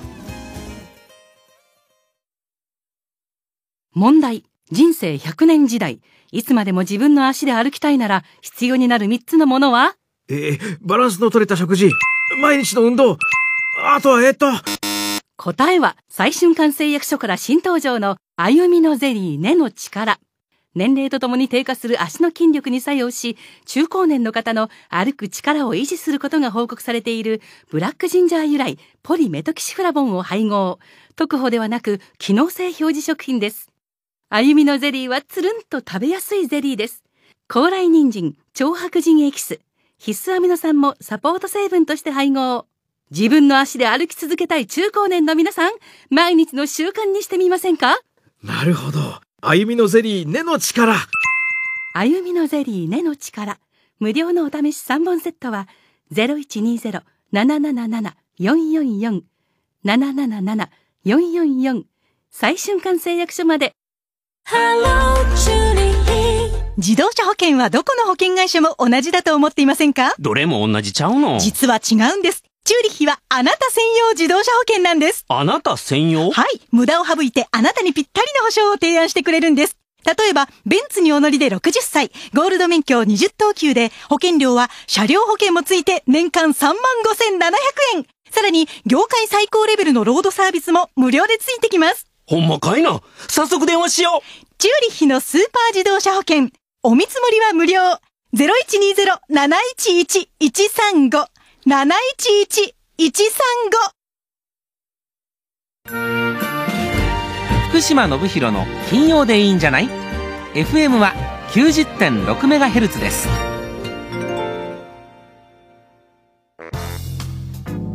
それではここでメールをご紹介しようと思います、はいえー堺市南区にお住まい意見には個人差がありますさんから頂いております、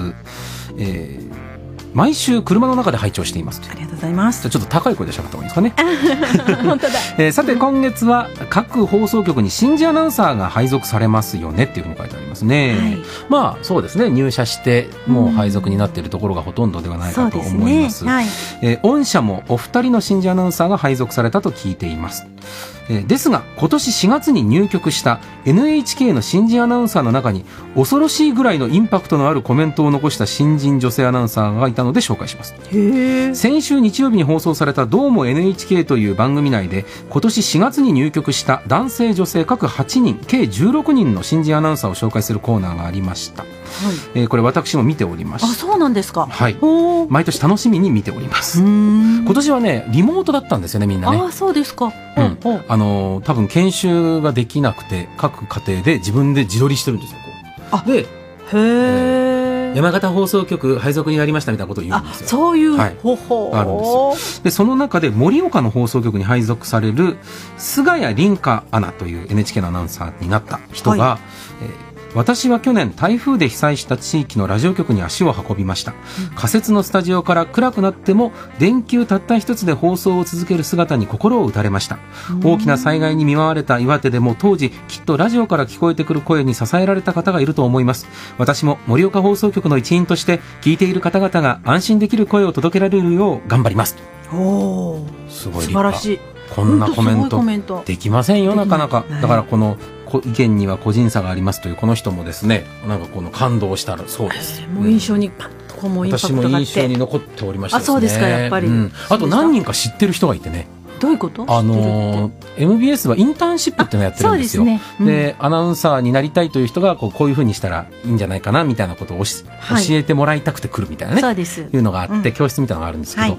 私その時に去年、えー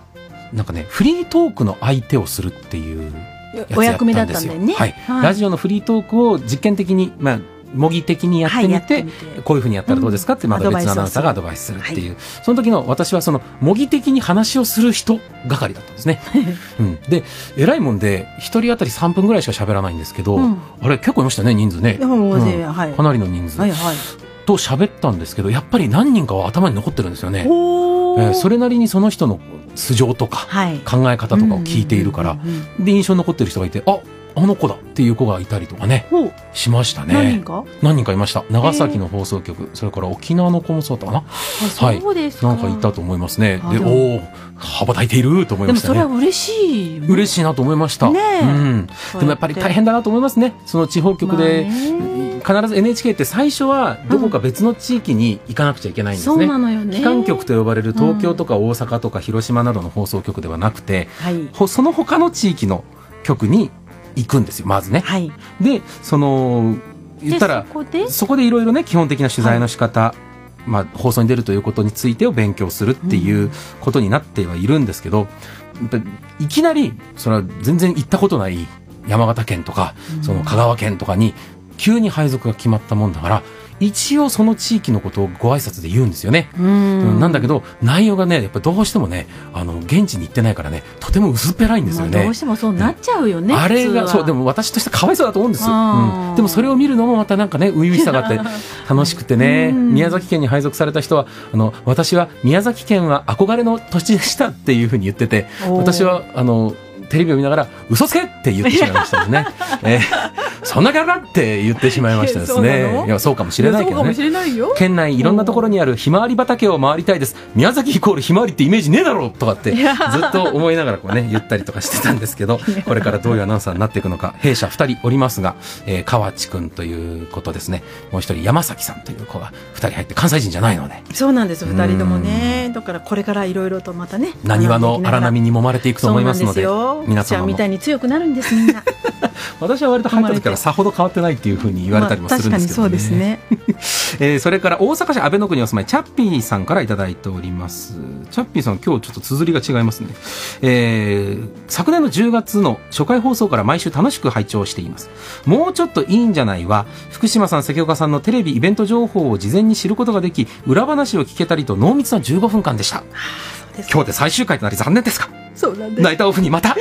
帰ってきてくださいというですね、えーもうちょっといいんじゃないファンがいるんだということに驚きが隠せませんいやいや本当にね、えー意外や意外意外や意外でえーあ意りがたい外や意外あれはあれでまたね、意外と評判良かったりするんですよそうなんですねうんあの、うんどうでもいい話しかしないからね毎回ね、ね肩に力抜いて先週のもうちょっといいんじゃないでちょっとお知らせをしましはいはたいし、今日も番組冒頭でちょろちょろっと言いましたけれども、うんえーその水曜トークショー、はいはいこれ6月17日にあります、もうすぐですよはい、でこれインターネットで配信します、はいライブ配信のみで行いますので来で週無料水曜かになりますので、はいえー皆さんタダで見られますからねそうですよぜひ見ていこたれだきたいはぜひともどこからでも見られます、焼きそばかおるさんと私がしゃべるラジオの面白さの鍵を握るパートナーかっこアシスタント大全というテーマでお送りします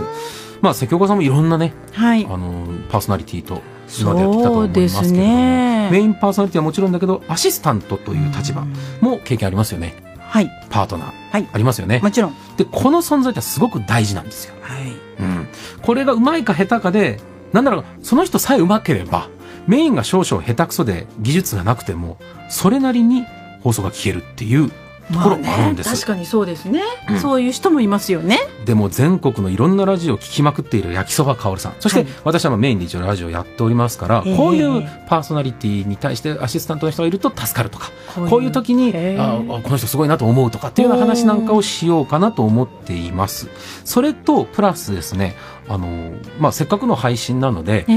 普段お話が聞けないち別の地域の放送局のはいアナウンサーの方とつなごうと思っています、ええええええが真ん中に画面を置いてそこに顔が出てきてそれこそリモートはい、ちょっとリモートでお話をゲストとして呼ぶっていうのをやろうと思ってましてうーん面白そうお一方は HBC ラジオのカはいーナビラジオ午後一番の山根あゆみさんという HBC の方です。山根さん、はい、この人なんかもともと営業職だったらしいんですよね営業職がアシスタントに抜擢されて人気になったっていう人なんですおしゃべりがお上手なんですねきっと相当な方だと思いますねろろこの方をお迎えします、はいそれから MBC ラジオ鹿児島ですね、の青だよたくちゃんこの間焼きそばさんが紹介しましたね、はいはいはい青だよたくちゃんの山口真奈アナウンサー、はいはいあの宮城県からはいはい鹿児島にやってきてもう方言に揉まれにそう揉ねまれているといううんうんまだ若いアナウンサーですが、はこいの山口真奈アナウンサーにもお話を聞こうというふうに思っておりますこのお二人登場しますので女性アナウンサーファンの方大勢いらっしゃると思いますから、ぜひともね見ていただいたらずっとひげ面のおじさんと太ったおじさんが喋ってるだけじゃありませんから 綺麗な女の子の声でですね心を癒していただきたいというふうに思いますの で6月17日の水曜トークショーをぜひともご覧いただきたいということでございますアリスの MBS ヤングタウン谷村新司です堀内孝雄です矢沢徹ですアリス三人水入らずで毎週金曜夜10時から元気いっぱい放送していますサンキューいつの間にかつぶやきすら大声になってしまった出口のない喧騒の中で沈黙だけが語りかける麦100%大分麦焼酎二階堂30年以上の実績を誇るテントの専門会社夢工房の日よけテント U シェードワイヤーシステムは簡単に開閉でき有害な紫外線からしっかりガード学校のグラウンドなど屋外環境で大活躍飛沫対策用シートパーテーションも販売開始詳しくはテント夢工房で検索寺島俊斗と三沢幸かの小説家になろうのりセカンドブック僕たち声優2人がナビゲートする30分小説家になろうの作品の魅力届けます毎週気になるストーリー展開一緒に覗いてみませんか毎週日曜日夕方5時10分からツイッターのフォローもよろしく福島信弘の金曜でいいんじゃない MBS ラジオがお送りしています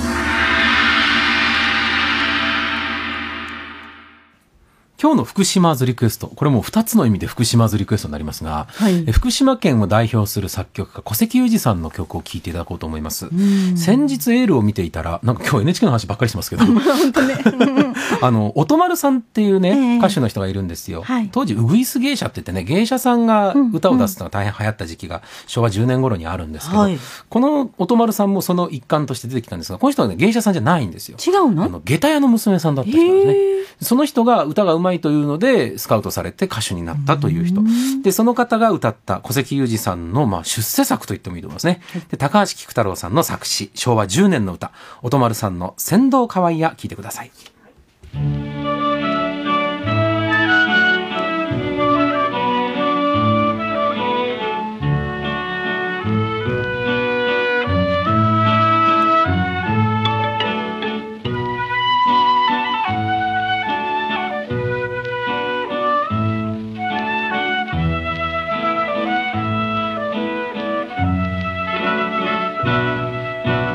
夢ものでも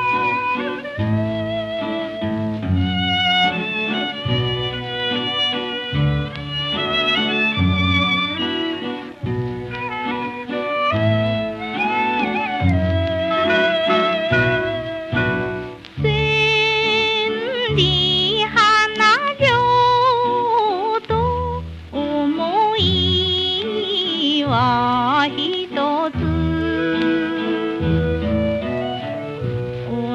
風夜空の同じ夜空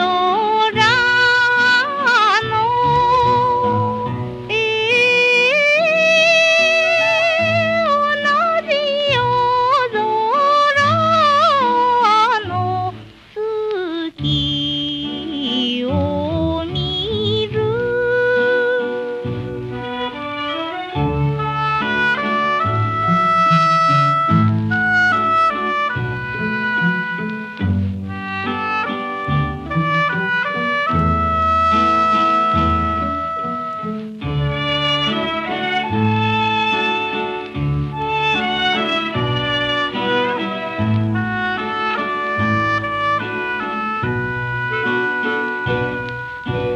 一人なりゃこそ枕も濡れるせめて見せたやえーせめて見せ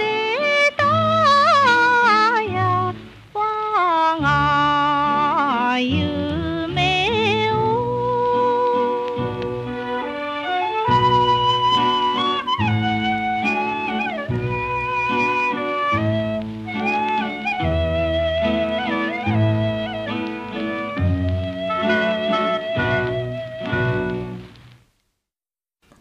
音丸さんの先導可愛いや聞いていただきました。まあ今の流行歌から考えると随分スローテンポで、まあね雰囲気確かの違にう曲だと感じるかもしれませんが、やっぱりこの、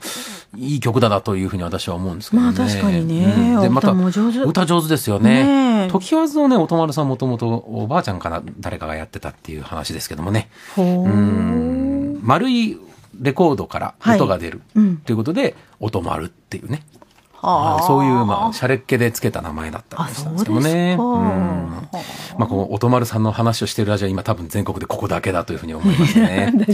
さあ、この後はですね、ドライバーズリクエスト。今日はですね、皆川玲奈さんがどういう車に今まで乗ってきたかっていう話が聞けます ので、えとても楽しみです。お聞きください。全日本トラック協会プレゼンツドライバーズリクエストこんにちは竹内かなえですこんにちは皆川玲奈ですこの時間はドライバーの皆さんからのリクエストやドライブに役立つ情報をお届けしながら快適で安全な運転を応援します全日本トラック協会プレゼンツドライバーズリクエストこの番組は緑ナンバーの全日本トラック協会の提供でお送りします今日はドライブトーク、ドライブ好きの私たちが車や旅にまつわるテーマでおしゃべりします、今日のテーマはマイカーヒストリー稲川さんは、これまでどんな車に乗ってきましたか私は、そうですね唯一自分のお金で買った車が、うん今まで大学時代にあって、うんあの自動車部っていう部活に入ってたんですけどその時にその部活で乗る車、まあ、その試合に出る車がマニュアルじゃなきゃダメなんですよ、んうんなのでマニュアルの練習をしたいなと思って、うんその大学の先輩からスズキのスイフトスポーツっていう、うんまあ、今のその新しいバージョンじゃないんですけど、うん4人乗りの車を10万円で中古でへはいえ、あじゃあ10万円貯めてそう先輩から買った形に そうなんですそうなんですちょっと待 っていろいろ気になるんだけどそうですよねそうですよね えまず自動車部に入ってはいいたんだそれは車がもう大学時代、好きで入ろうそうですねなんか間違えましたええなんな どんな活動してるのすごい楽しそうななんていうかあのサーキットって言ってもその鈴鹿サーキットみたいなああいう大きいところじゃなくって、うんもうだだっ広いアスファルトでできた駐車場みたいなのもサーキットって言うんですけど私たちの中では、でそこであの赤い三角コーンをこう、点々と置いて、でまあ、コースを作るんですよね、うんうんでそのコース通りに、まあ、1台ずつ走ってタイムを競ってっていうのをその大学の自動車部が集まって試合いまあ、一応公式戦なんですけど、はい、をやっていまして他大学との試そう合ですが、はいとか大会がそうですそうですありましてえじゃあドライブテクニックが問われるというかそそういううです練習もするのか急な旋回とか急ブレーキを踏んでとかあの、まあ、車のこのスピンターンだったり、はい、乗ってました私2年ぐらもいペーパードライバーとはいえ免許はそれこそマニュアルで取ったからそのクラッチ入れてとか、あのガチャガチャって、はいはいはいで1足2足みたいなのはすごく覚えてて確かにこう自分で動かしてるっていうあの操作してる感あるよね覚すごく好きです。へえじゃあそれがファーストかそれファーストカーとりあえず。へえそれはだいぶ愛着がそうやっぱ番一番最初の車って本当に可愛いですよね。自分で買ったものって。その後はヒストリーで言うとえその後はまだ自分で買ったものはないので、うん、じゃあヒストリーはこれから気づいていきたいっていう 感じなのかな、 竹内さんマニュアル車は私マニュアル車を持ってたことは免許を取って乗りたいと思ってたんだけど、結局マニュアル車を自宅で自分では乗らないままオートマばっかりだから、まあそうですよねまあ今できるかどうかクラッチ大丈夫ですかっていやー坂道発進とか、怪しいね、今その感覚をちょっとなかなか共有できる人いないので、ね、寂しいばかりですよね。今日はマイカーヒストリー毎回ちょっと私ばっかりになっちゃった。ドライブトークお送りしましたではここで一曲お送りします猫のトイレ砂を定期便で届けてくれる宅配便の運転手さん思いのにいつも笑顔で運んでくれてありがとうございますすみませんというラジオネームまるさんからのリクエスト米米クラブシュールダンス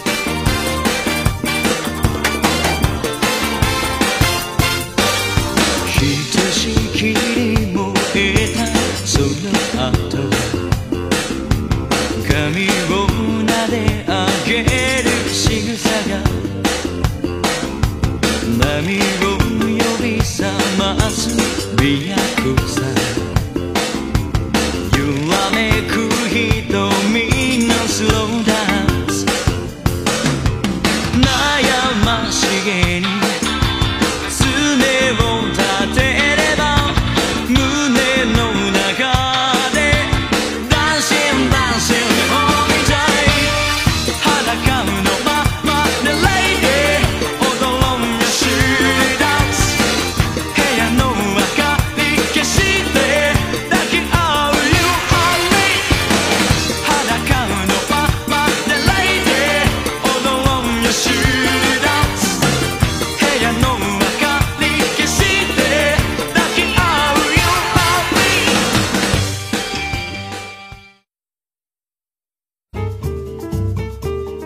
緑ナンバーの全日本トラック協会からのお知らせです。トラックドライバーの皆さん、運転室内は整理整頓されてますか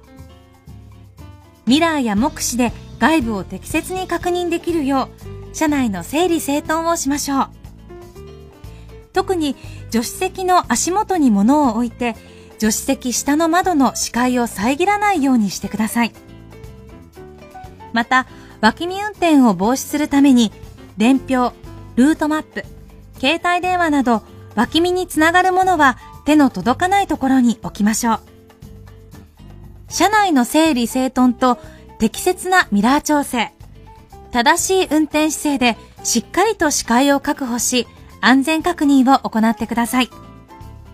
全日本トラック協会からのお知らせでした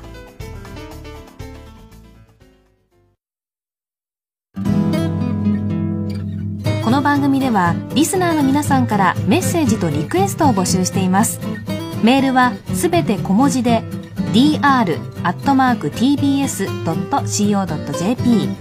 メッセージを採用させていただいた方にはクオカードをプレゼントいたしますなおいただいたメッセージは全日本トラック協会発行の機関紙広報トラックに掲載させていただくこともありますのでご了承くださいそれではこの後も安全運転でお過ごしください全日本トラック協会プレゼンツドライバーズリクエストこの番組は緑ナンバーの全日本トラック協会の提供でお送りしました。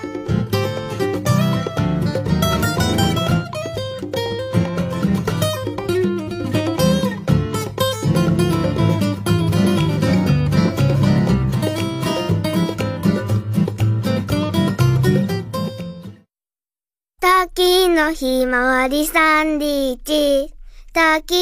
ひまわりサンディーチ。タキのひまわりサンディーチ。そろそろネタ切れ種なら売るほどあるんだけどね。売れてますひまわりならサンリッチ種のタキ1万円プレゼントゴーバイバイク王で 126cc 以上のバイクを売れば1万円分の JTB ナイスギフトをプレゼントお電話の際必ずラジオを聞いたと言ってください0120-50-8190 50-8190世界には汚れた水で命を落とす子供がいます。それでも生きるためにその水を飲むしかないのです。そんな現実を変えるために全ての人に清潔な水をウォーターエイドジャパンにご協力ください。 AC ジャパンはこの活動を支援しています。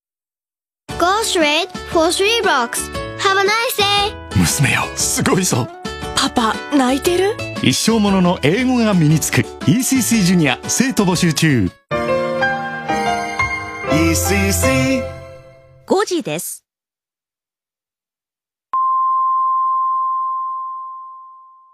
いっぱい夢を MBS ラジオ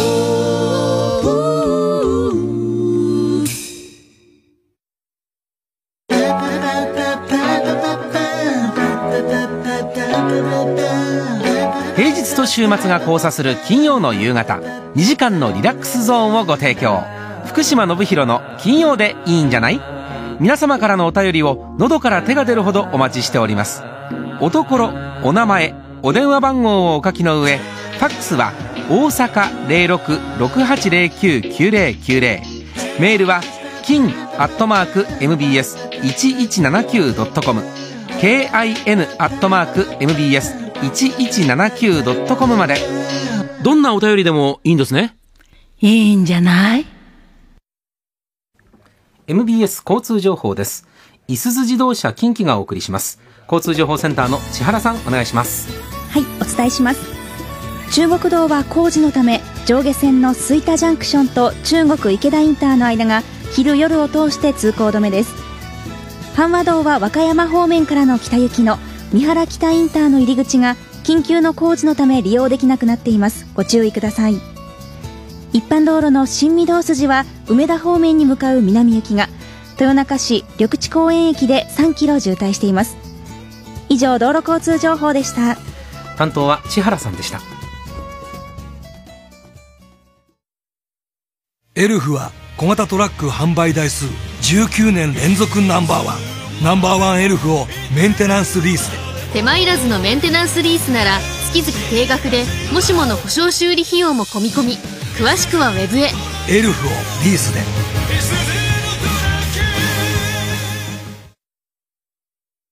交通事故に遭われた方へお知らせです。弁護士に依頼すると、もらえる慰謝料が増える可能性があります。どんな事故でも弁護士へ。0120-783-970。0120-783-970。大阪弁護士会所属、弁護士法人円まで。相談は無料です。 MBS ラジオは緊急地震速報を運用しています緊急地震速報が放送されたら頭を保護し丈夫な机の下など安全な場所に避難しましょう詳しくは MBS ラジオのホームページをご覧ください福島信弘の金曜でいいんじゃないツイッターはハッシュタグ福金でお願いします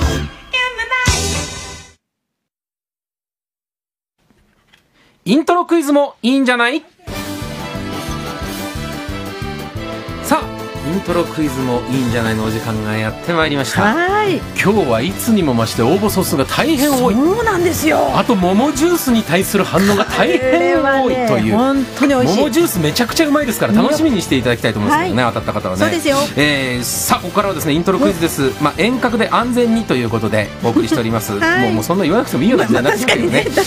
ールールは簡単でございますが抽選でリスナーさんと電話をつなぎましてある曲のイントロをかけます曲名答えられたら最大お金1万円という大変分かりやすい内容ですそれでは早速お電話つないでいきましょうはいまずお一人目はいもうお電話かけちゃいますよかけてくださいはいえーまず一人目この方は京都市東山区にお住まい長谷光さんというおそらく男性の方昭和好きの高校生ですイントロクイズで当ててみたいですよろしくお願いしますと言っていますなんだ、福ちゃんことれは。ちょっとどんな大丈夫人か喋ってみたいなもしもしはいあ長谷光さんですかあそうですあ金曜でいいんじゃないですあいつも聞いてますありがとうございますありがとうございます長谷光さん高校生あ、そうです。高校生でこの時間帯のラジオ聞いてるって、ねえそうよあんまりいない気がするんだけど。あの、まだ部活も始まってないんで、それで、そうですか。い。つも聞いてくださってるんですかあの、聞けるときは MBS ラジオ聞いてます。偉いね。いいところに就職するわ、将来きっと。ね本当うんあの、長谷川さん、昭和好きって書いてありますけども。あ、そうです。どういう昭和好きですかまあ、昔のラジカセやったりとか、そういうステレオやったりとか、そういうのが好きやったりして。え、そうなんだ。なんか集めてるのまあ、集められるほどじゃないですけど、古いラジカセを、こう、もらったりとか、いろいろしてます。何台持ってるんですかまあ、2台、 ?2 3台、台ぐらい。 3台。はいだってカセットっていらないでしょもう。カセットが結構好きで、それで聞いてます。すごい。カセットテープで聞いてるのカセットテープあの、父親から借りて、それで聞いてます。何を聞いてるんですか曲は。まあ、あの、昔の洋楽の、例えばマドンナやったりとか、いろいろ聞いてます。洋楽をカセットに、それをわざわざ入れて聞いてるんだ。あ、まあ、父親が昔に録音したものを、それを聞いたりしてそのまま。すまね。そうです。日本の音楽も聞きますか日本の音楽は、まあ、あんまりこう、知ってる曲は少ないかもしれないですけど、それでも聞きます。ええ友達はいますかあの、昭和好きな友達っていうのはなかなかいないですけど、ですよね。まあ普通の友達とはそあんまりこんな話はしないですね。そうだね。はね。わかる。僕と同じ青春時代を過ごしている ね。将来がとても心配です。大丈夫かなあ、まあまあ普段の友達はいるんで全然大丈夫あ、そうですか。その人たちとはどんな話するんですか、まあ普通に、普通の学生の会話ですね。あ、そっか。TikTok とかやらないの、あ、それはあんまり興味ないです。興味ないんですか、はいそれよりラジカセですかはい。はあ、変わってるねみたいなこと言われます。まあ、そんなにこう友達の前でラジカセ好きやとかそんなのは言わないんであ、そうですか。はい。へえ。今日はこのイントロクイズですけど、まあ経験はないですよね、多分イントロクイズに。まあ、あの、家で、その、父親と母親と聞いて、これ何かなとか言ってやったりしてまし仲いいのね、お父さんお母さんとね。た。まあまあ、仲はいい家族やとは思います。うん。今日はですね、その、60年代、70年代、80年代、90年代、そして2000年以降というふうに分けて曲選んでるんですけど、はい。どの時代がいいですか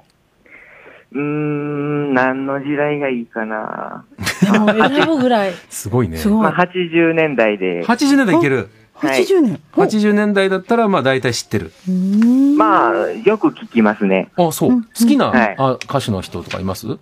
まあ、あの、松任谷由実さんとか、うん。まあ、中島みゆきさんとか、うんうんうん。ニューミュージックだね。はあ、はあ、いろいろいらっしゃいます。そうですか。ちょっとき聞いてどんな風に思うんですかまあ、どんな風にって言われても難しい。別に感情移入する感じじゃないでしょあ、じゃあないです。まあソーダ水の中を船が通り抜けるから、どんなんだみたいなことになるでしょえただ単にいい曲やなっていうだけで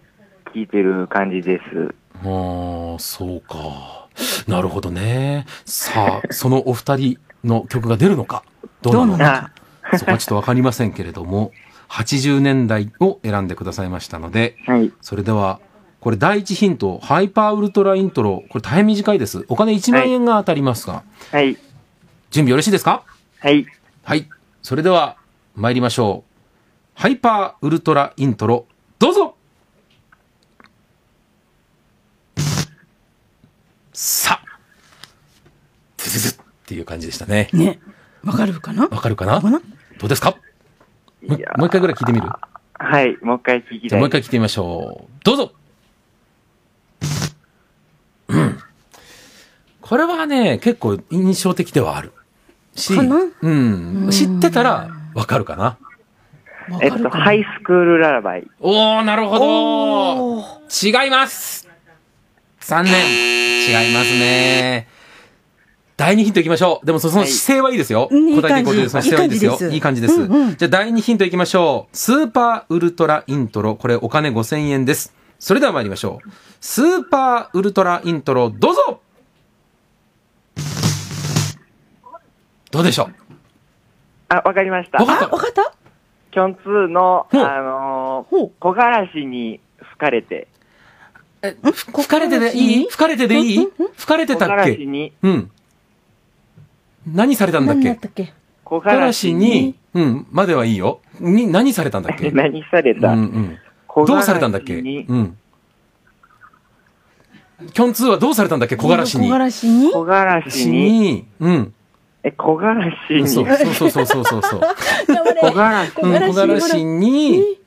揺られていや揺られてはいないんだな。揺られてない揺られてはいないんだな。でき揺られてはないですね揺られてはいないのよ。もう少し擬人化してるんだよね。そうね。赤ちゃんとか犬とかかな。あーそうねんそうそう。なんか、夢とかかな、あとは。うん。なんでしょう。これはもう趣旨の違うクイズになってまいりました。本当ねさあでもここで当ててあげたい。せっかくお金5000円だからね、かなりいいのよ。キョン2まで来たからね。小枯らしちょっに、とは分かっ木枯らし っにて、んですが、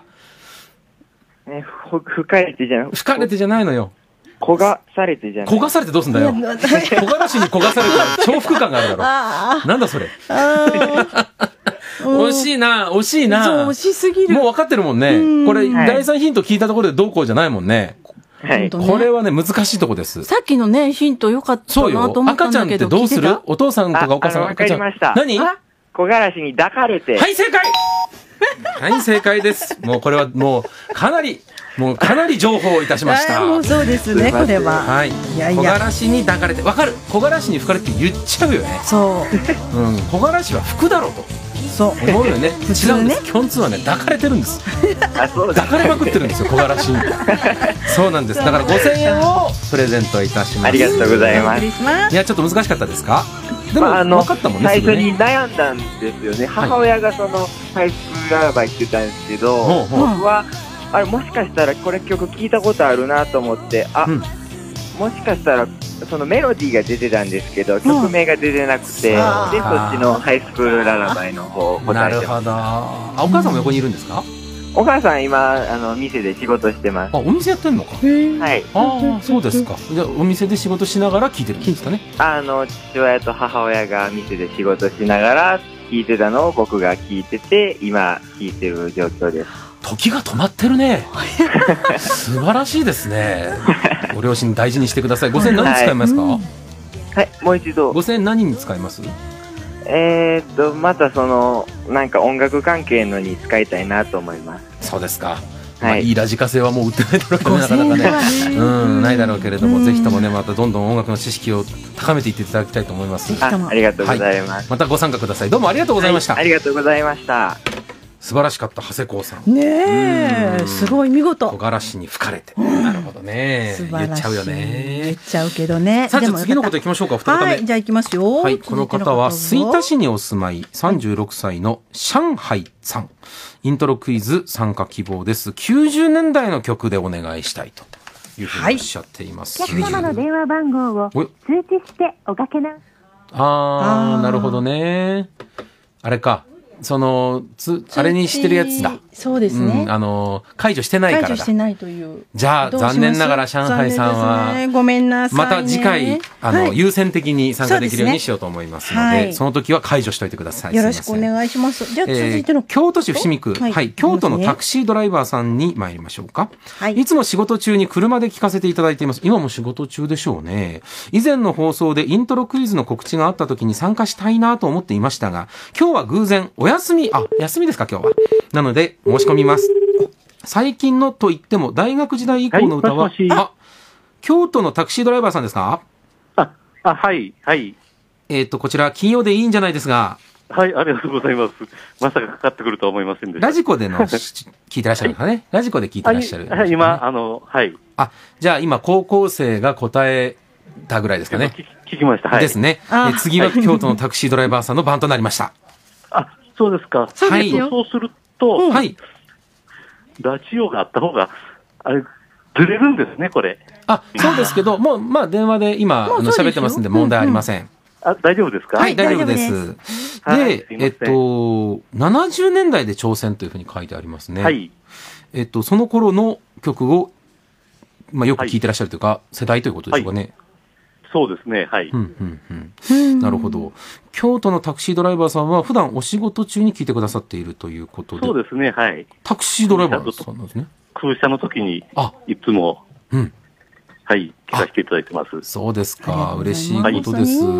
あの、タクシーの運転手さんも我々が乗った時に気がついて、チャンネルを ABC から MBS に変えてくれる人とかもいるんですよね。ありがあれ嬉しいですよね。うんあのね、やっぱり京都ですので、以前は KBS ばっかり聞いてたんですけど、あはは。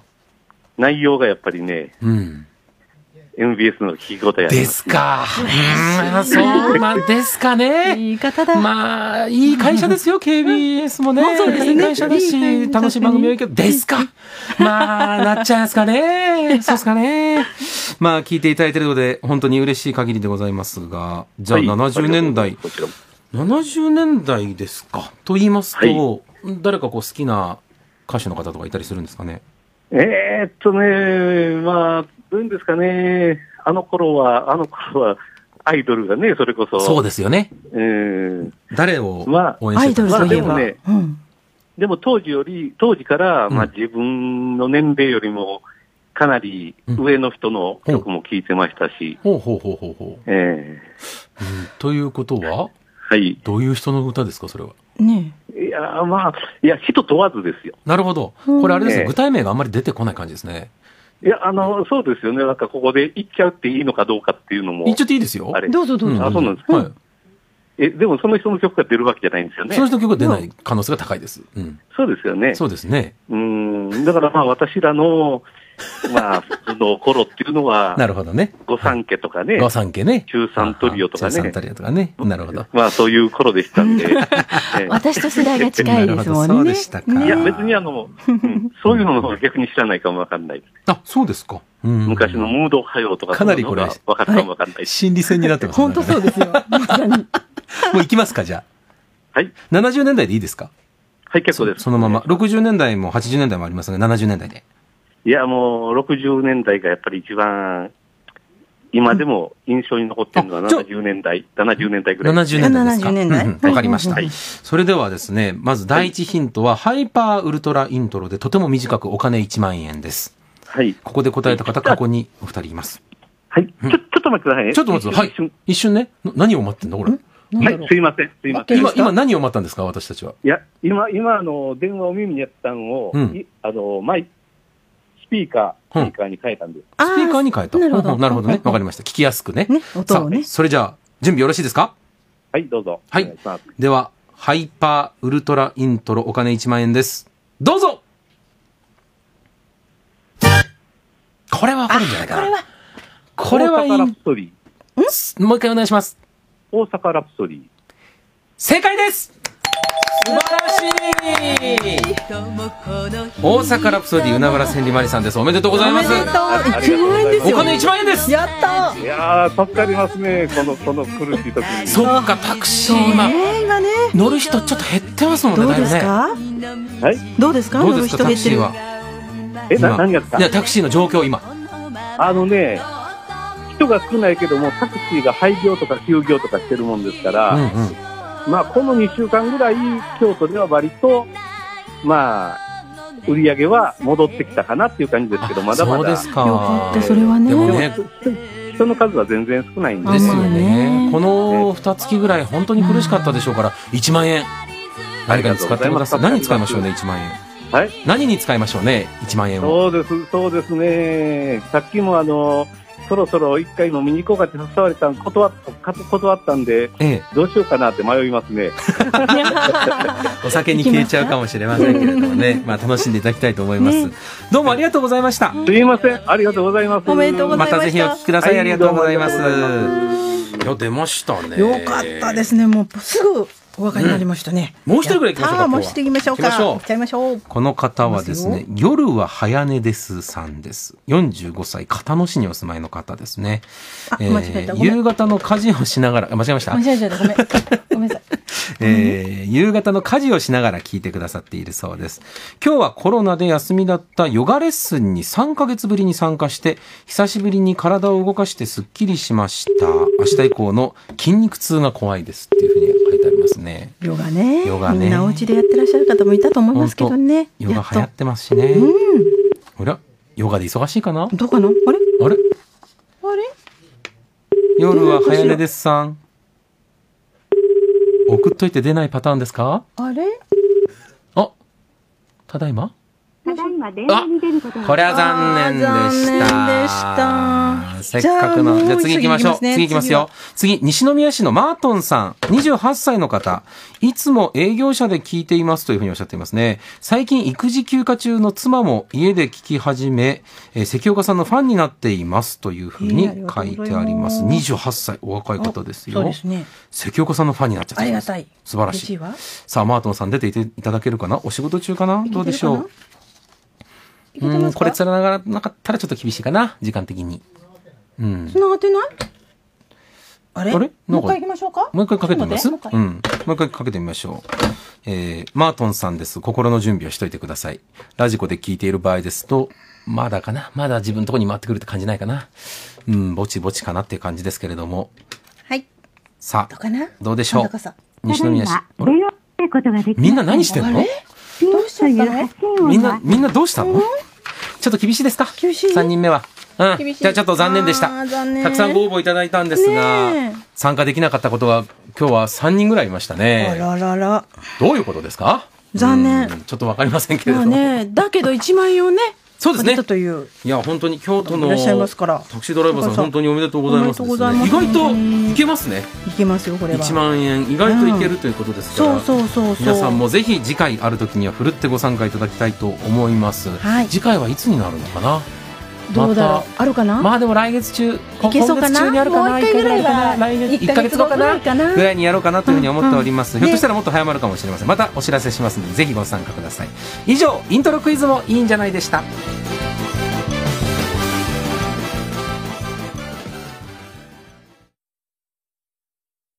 ただいま温泉情報が入りました宿泊するなら野瀬温泉宴会日帰り野瀬温泉オートキャンプも野瀬温泉以上野瀬温泉情報でした月村太郎です。オーダースーツ専門店月村。税別3着5万円平安祭典は葬儀のプロとして阪神館に20カ所の葬儀会館をご用意年中無休24時間体制で宗派を問わずお世話をいたしますご相談はお近くの平安祭典までいざという時あなたのそばに平安祭典です明日のために MBS アナウンサーの松井愛です皆さん手洗いうがいやっていますか外に出るときはマスクも忘れないように無断は禁物明日のためにしまっていこうよ平日と週末が交差する2時間のリラックスゾーンをご提供福島信弘の金曜でいいんじゃない MBS ラジオが AM1179 FM906 でお送りしています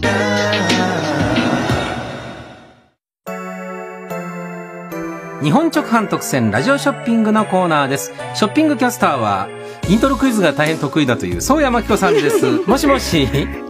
こんにちは。こんにちはよろしくお願いいたします。聞いてましたはい、聞いてましたよ。当たりましたはい、キョンキョンが一発目で当てました。あそうですかはい、もう一個はもう一個はちょっとごめんなさい、わからなかったです。うんま あまあまあ 得意ぐらいですよだからそれそうね。大得意っていうか、まあまあ得意ぐらいですよね。そううん、多分。さあちょっとでは紹介させてくださいさあ女性の皆さん最近お肌の潤い不足気になっていませんか、気になってます。まあね、乾燥ははいね、乾燥いいですよ、お肌のね。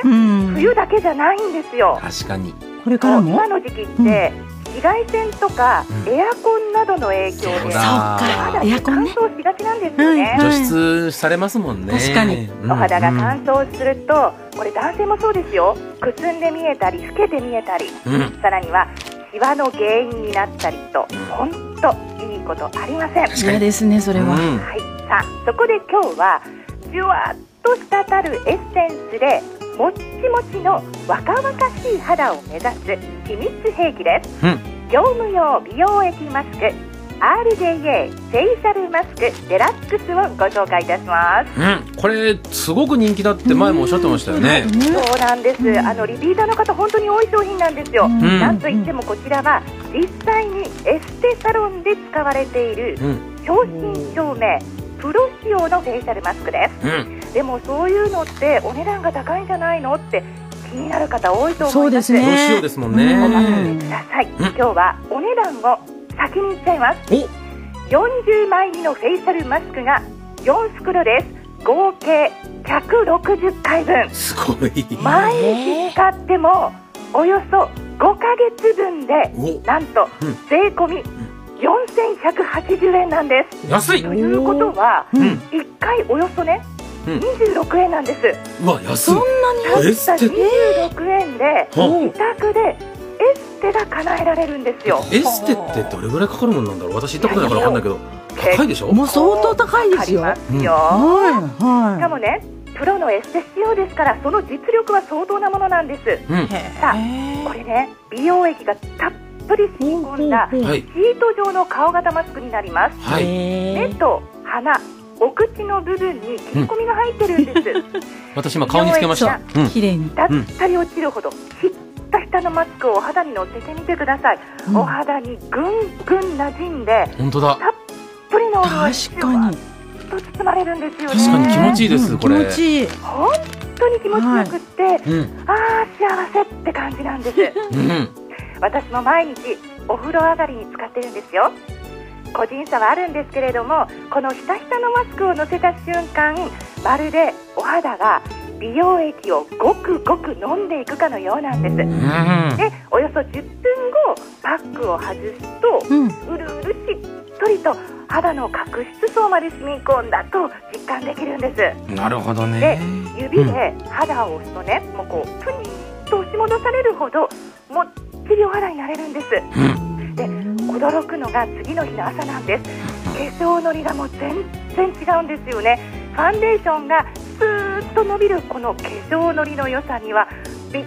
くりして感動しちゃうんですよそうやさんはこれ毎日使ってるんですかそうなんですあのリピーターでしていつもスタッフさんと一緒にねあの、一緒に買ってるんですだから肌綺麗なんだねそうやさんありがものとうござすいごますくお肌持ち肌ですもんねそうそうそうこれのおかげだったんですねえそうですなるほどさあ気になるね美容液成分ですうんお肌ふっくらを目指すヒアルロン酸やコラーゲンそして美白成分として注目のプラセンタ、うん優れた保水力で大注目のプロテオグリカン若々しい肌を目指す話題の発菌など保湿だけじゃないんで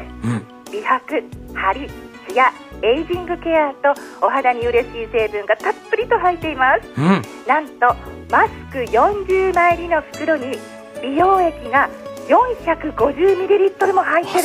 です。重いですもんねだからこのそう袋そう持った時どしっとありますようんおよそペットボトル1本分ですよね。そうですねすごいそううん何しろたっぷり5ヶ月分ですからね。か特別な日だけと言わず毎日惜しみなく使っていただいてしっとりプルップルの潤い肌を手に入れてください。はいそれではもう一度お値段をお願いしますはい RJA フェイシャルマスクデラックスです税込み4180円ですマスク40枚入りの袋を4袋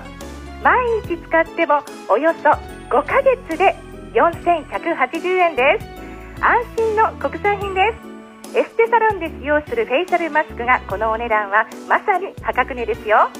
ただし先着70名様限りです送料は別途頂戴いたします、商品のお申し込みは携帯からもかけられる通話料無料のフリーダイヤル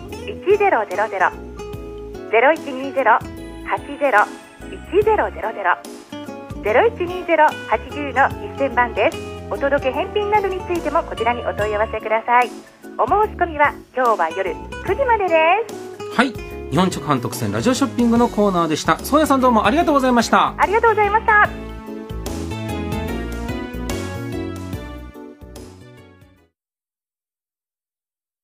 ーに聞く ED? ソロに聞くソロ塗って聞くヘアグロンヘアグロン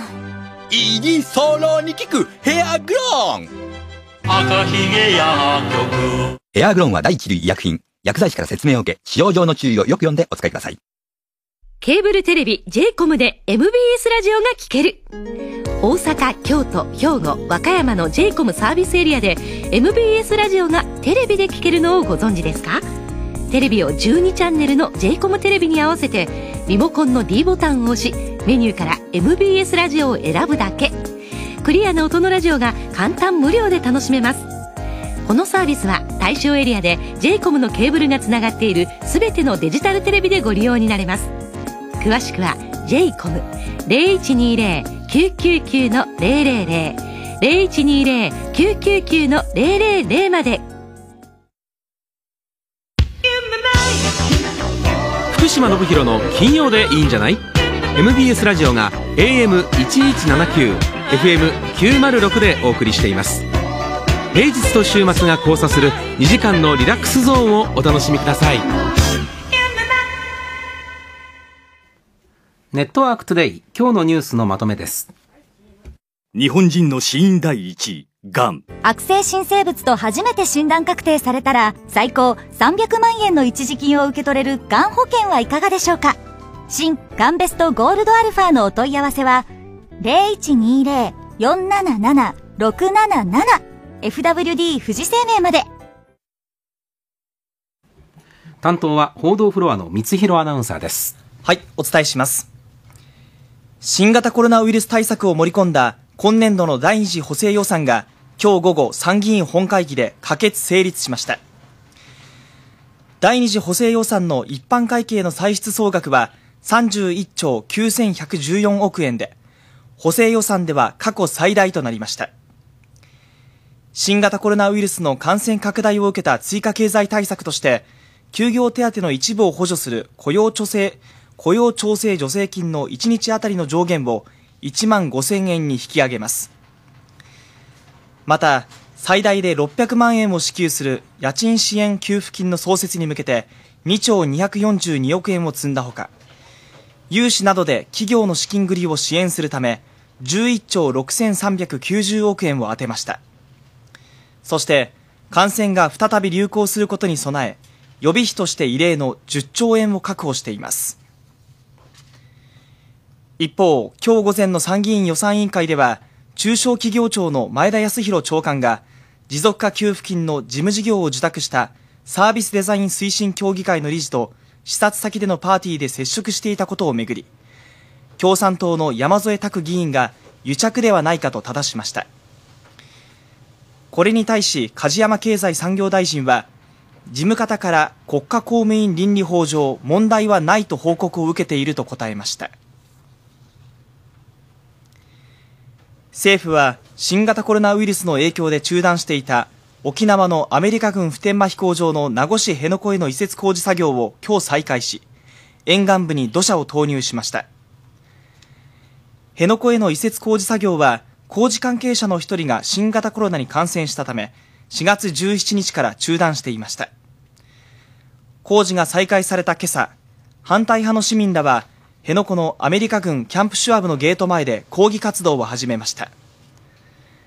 ダンプカーがゲート前に集まる中、およそ40人の反対派の市民らは、マスク姿で基地はいらないと訴えて立ちふさがり、機動隊と揉み合いになりました。また、沖縄県の玉城デニー知事は記者会見で、工事の再開について大変遺憾だと述べ、改めて反対の姿勢を示しました。玉城知事は、今月7日に行われた沖縄県議会議員選挙の結果に触れて、辺野古への新基地建設に反対する候補が過半数を占め、改めて反対の民意は明確になったと述べ、政府の対応を批判しました。8月15日に開かれる政府主催の全国戦没者追悼式が戦後75年となる今年は新型コロナウイルスの感染防止のため縮小して実施されることになりました。厚生労働省によりますと去年は6200人規模だった参列者や来賓を最大で1400人程度に絞り座席の間隔を1メートル確保するなどの感染防止対策を取ります。国費による遺族の参加者は都道府県でそれぞれ55人でしたが、今年はそれぞれ20人に減らします。また、感染防止対策として国歌斉唱は行わず、楽器での演奏にとどめます。一方、開催場所を日本武道館とすることや、式次第は例年通りで、天皇皇后両陛下も参列される予定です。関西電力の金品受領問題で、関電が当時の役員らに損害賠償を求めて提訴する方針を固めたことが関係者への取材で分かりました。関西電力の幹部らが、福井県高浜町の森山英二元助役などから多額の金品を受け取っていた問題では、弁護士らによる調査委員会が調査報告書をまとめ、八木前会長や岩根前社長ら当時の役員5人が、金品の受領を取締役会に報告しなかったなどの注意義務違反があったとし、関電に対しておよそ12億7000万円の損害賠償責任があると認定しました。関係者によりますと、今月9日に関電の監査役会が開かれ、当時の役員らに対し、損害賠償を求めて提訴する方針を固めたということです。来週15日の監査役会で、請求額などを含め、提訴を最終決定する見込みです。今年11月に開催予定だった大阪マラソンが新型コロナウイルスの影響で中止されることが正式に発表されました。大会組織委員会は4月に予定していた参加申し込みをすでに延期していましたが、スタート時や沿道の応援での密集が避けられず、感染が広がる可能性があるとして中止を決定しました。今年の秋以降の近畿での主なマラソン大会では、神戸マラソンと奈良マラソンも中止が発表されています。この時間のニュースは以上です。担当は三弘アナウンサーでした。あなた、集団予防接種などで B 型肝炎ウイルスに感染した人には、条件に該当すれば、国から50万円から最大3600万円の給付金が支給されるそうよ。 B 型肝炎訴訟で信頼できる弁護士さんっていないかな法律事務所ミライオがとても経験豊富で丁寧、給付金の受け取りまでスピーディーに対応してくれるそうよ。よし、まずは未来王に相談だ。 B 型肝炎訴訟の解決実績7000件以上0120-783-005悩み005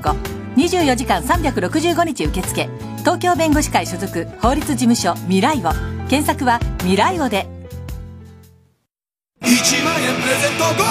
ーバイコ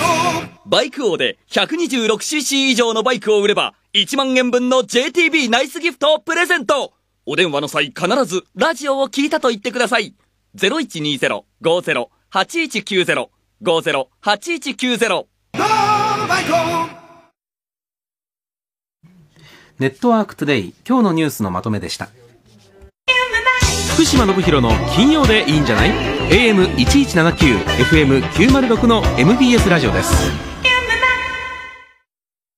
さあ、とんでもなく美味しい桃のジュース、福島県産の桃ジュースですね。えーこちらの当選者を発表いたします。5人いらっしゃいます。大阪市中央区にお住まい、ひなあられさん、生駒市のラジオネーム、カリーさん、京都市上陽区、寒狩りの白熊さん、岡山市の、えー総国のガチャさん、泉大津市のまんまるさん、以上の皆さんです。おめでとうございまおめす。でとうございま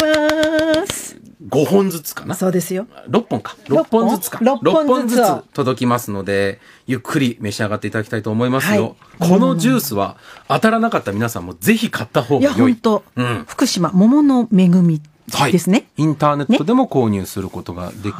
るし、えええっ、とね、なんだったかな。観光物産交流協会というところがあるんですよ。その福島県の。観光物産交流協会というところから買うと、福島県大阪事務所の人たちは喜ぶっていうのがありますので、あぜひとそうもですかそちらからもお買い求めいただけたらなとじゃあぜひそちらでね。ね。うんううんん。大量に届きますのでね、本購当入にしたらね。いやえー東京都のてるてるアフロさんからこういうメールが。大学時代福島市に住んでいました。福島で不思議なところはテレビ局が分散しているところです。ちょっと私言いましたね。そうでしたね。でテレビ U 福島と福島テレビが福島市。うん。福島放送と福島中央テレビが郡山市。うん。でラジオ局もラジオ福島は福島市、FM 福島が郡山市ということだったそうで、もう二つ分かれてますね、しっかりちゃんと、ねやっぱりこう町テレビラジオがどこかにこうなんていうんですかね集中せずええ分散していることの一つの表れかということですね。うんそれからですね関西にお住まいの方ん関西に住んでたけどという方ですねこの方東京都の純ちゃんのパームツリーさんですが学生時代に関西から東京に来ましたと。で北方ラーメンには大変お世話になっておりますとで都内には北方ラーメンを出すお店がたくさんあるでとにかくチャーシューがてんこ盛りなのが嬉しいということですね、えー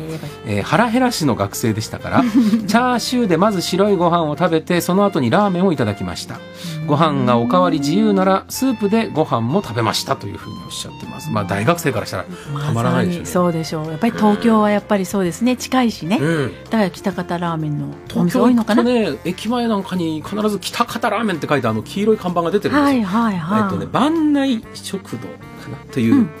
番内食堂というチェーンみたいなそう感そうじみたいなのとこお店があるのねあってうんうんここのラーメンはですねもう丼鉢の上チャーシューが多すぎて中見えないぐらいなんですよもうそんなに乗ってるの全部埋まってるんですよえそれは普通で頼んでそうなのチャーシュー麺で頼むんじゃなくて、多分そうだったんじゃないかななんか写真がお店の前に貼ってあるんだけはどあいつもすそれ「はいどどんどうないなってまんねん東京は」っていつも思うんですよね前通るたん びに何その嘘っぽいのびっくりするんですよねあれ状況のたんび にで福ちゃんの今のにびっくりしたどんなんになってますねなーってなるんですよどんなんかなーってなるんですけど ねとてもびっくり懐かしいとてもびっくりするんですけどもね角さんさっきちょっと調べておりましたら大阪で北方ラーメンが食べられるお店、まあちらちらとあるようでその私が言ってるお店は針中野にあるみたいですね、あとね、えっあなんかと、三軒ぐらい堂島大橋の近くにもあるみたいほうほうほうあと会津山塩ラーメンっていうのも食べられるところがへーあるんですか堂島のあたりにあるみたいですねじゃあしょっぺしょっぺっていう店があるみたいですよおしょっぺしょっぺ、あと北方食堂南急報辞典とかはあの北方ラーメンのなんか伝統的な醤油ラーメン食べられるみたいですね食べたくなっちゃったがぜんね、うん、食べたことないですかないですないか。ありますか、うん私は割と好みのラーメンの一つですよ。あそうなんですか、ええ好きですよ。なんかカップ麺で来た方とかあ書いてあるやつありますね書いてあるのがあってそれは見たことはあるんだけど、うんうん一回それでもいいからまず買ってみようね、一度食べてみてほしい です。宮城県の仙台市東北から来ました。やさぐれた青鬼さんです。福島県の隣、宮城県仙台市で聞いています。隣の県とはいえ、福島は未知の土地ですという。未知なんだまあ遠いですからね、やっぱりね。冬はドカドカ雪が降る地域もあれば、温暖な地域もあり、夏は盆地では体温オーバーとなるただならぬ土地、それが福島。突出した市がないとは言いますが、どこに行っても食べ物がうまい。いいです酒も果物もお野菜もとにかくうまい近くて遠いお隣の県まだまだ未知の土地です来年の春はぜひとも三春の滝桜三春の滝桜を見に来てください圧巻ですというふうに書いてありますよ、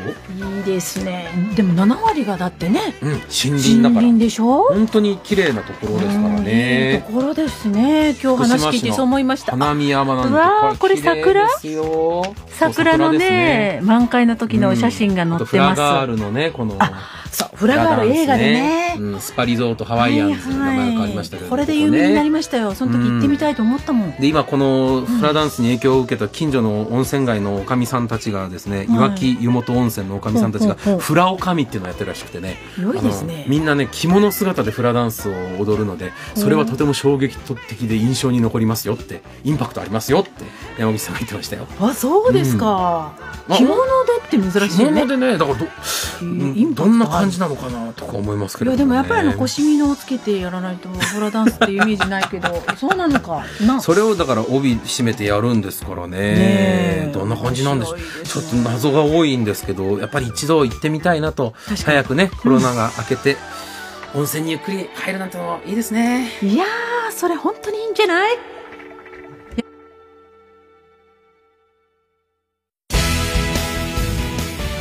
ボートレース住之江からのお知らせです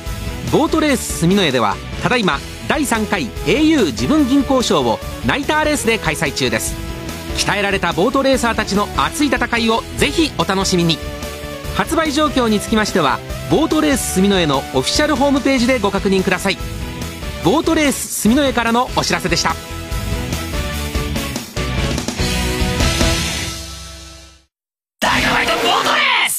このプレゼン資料さ使ってる色を減らそうか先輩プレゼン勝ちたいですよねえそそりゃねじゃあ6色のままで行くべきですえなんでボートレースが6色だからですえなんで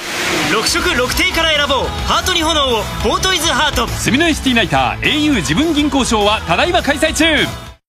ボートレース住の絵提供地震防災メモ。このコーナーでは近い将来発生するとされる南海地震などに備え、防災に役立つ情報を紹介しています。今日の地震防災メモです。東日本大震災では、東北や関東の沿岸部に大きな津波が押し寄せ、多くの人が犠牲となりました。近畿でも今後津波を伴う南海地震が起きると予測されています。1946年の南海地震では、紀伊半島から四国の太平洋側にかけ、4メートルから6メートルもの津波が押し寄せ、大勢の人が亡くなりました。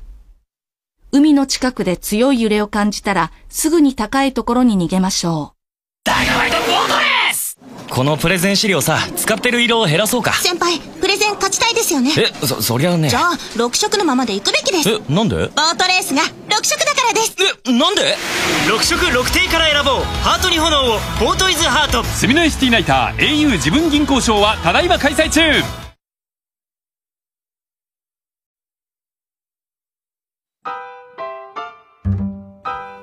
もうちょっといいんじゃない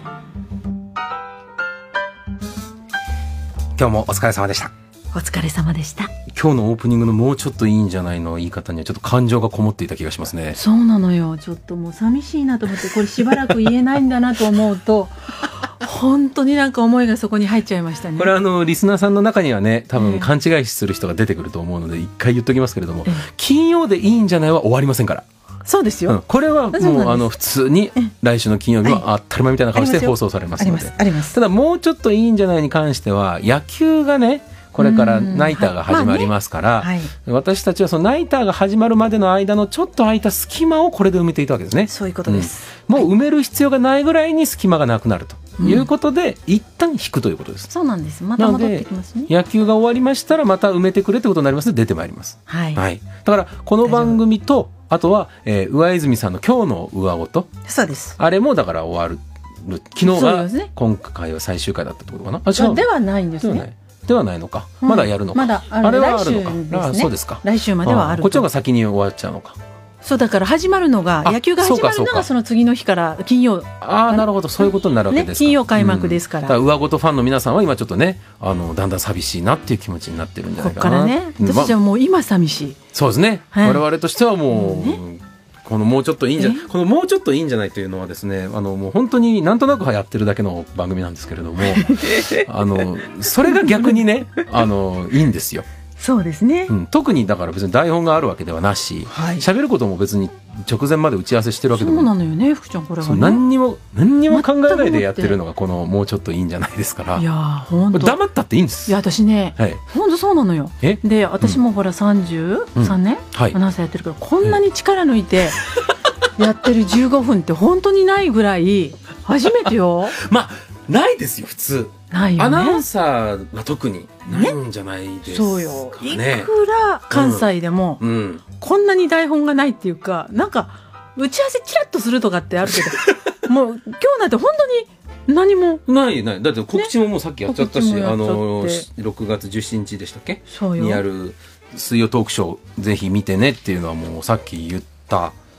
別にイベントなんかも特もうそうよにねあるわけじゃないしそうよもう喋ることないですよねもうどうするうん喋、ることない何も今日はもう福島県の魅力も全部伝えきった しそうねでもまあ確かに福島はいいとこだったね、うんでも喋ることないっすもうないうんもう何にも喋ることないっすまああの桃の恵 みいいよね美味しかったよね美味しかったないです。あもうこれ以上ない何もないです。はい。もうないかちょっとメールを紹介します。はいお願いしますえー奥田さんから来ました。女性の方ですね、この方は。ほうほうえー福ちゃん、炉端焼きえらいことになってます。買えませんっていうメールが来てます。どういうこと先週かなに、私もうちょっといいんじゃないの最後の最後に、岩谷産業っていう会社が出してる、あはいはいえっ、と、炉端焼き器、炉端焼き器炙り大賞っていうのを買ったと。で、これなぜかというと、コロナウイルスで外で食べ飲みができなくて、そうそうそで、一番食べたくなったのが私は焼き鳥だった。で焼き鳥ってのはスーパーで買ってきたものを食べてもなんかやっぱちょっと違う美味しいけどそのもうタレが串の持つとこまでベタベタについてるやつとか買ってきて、あれはあれで美味しいんだけど、電子レンジで温めるだけではちょっとやっぱりね、はい。なんか香ばしさと言いますか、がなんかちょっと足らない。かといってフライパンで焼いた鳥は焼き鳥かいこれはという感じになってしまう、うん魚焼きグリルで焼くのもちょっとなあみたいななんか違うなっていう感じがなので私家でそのもう焼き鳥屋さんと同じような品質の焼き鳥が食べたいと思い買ったんですこの、これね。うん、近所の港南でいやだからね私それ福ちゃんから先週聞いて聞いてでネットで調べて調べてうんこれ買おうかなって私の中ではもう 80%90% ぐらいまでいってそうだたったんんですかでまあ家族会議をしまして、はいはいところが前に娘がね、うんあの別で、うんえっと、買ってるんですよねそういう家族で食べるようなその炙りではないんですけああどなんもかホットプレートみたいなやつホットプレートのみたいな、はははまあ、それがあるから、うんちょっとそこにプラスアルファでもうお置くところがあ邪な魔だいよねっていうところで今断念してるんだけどあそうですかでも欲しいいやこれ私はもういや憧れるわこれこれはね私はここ数年23年いろんな買い物をした中でもトップレベルに買ってよかったものの一つこれだって本当にあの焼き鳥屋さんで皆さんがほらあのね、うんやってるようにこうそうそう竹串をはいくるくるっとこう回すっていう、うんうんまあ、それができるわけでしょこれそうあのね足というのかなああいうのはこう、うん串の先端と手に持つところの、はいはいをちょっとバッて引っ掛けて、でこう金属の棒がこうなみなみになってるんですよね、はいはいはいでそこにこうののっけ乗ってけるくるくる回しながら焼くっていう焼き方もできますし、まあ、それやるよりちょっと長い串が必要なので、ちょっと短い場合はそこに網を置いて、で網で焼けばあまあ結果網同の上にねじようなことになりますかなるほらどでや焼くということもできる、これを買って本当に私でもねこれ相当悩んだんです半年ぐらい検討に検討を重ねたんですよそんなに悩んでたの別に周りで使ってる人がいるわけじゃないし、うんでどうしようかなって前から欲しかったでコロナになってもようやく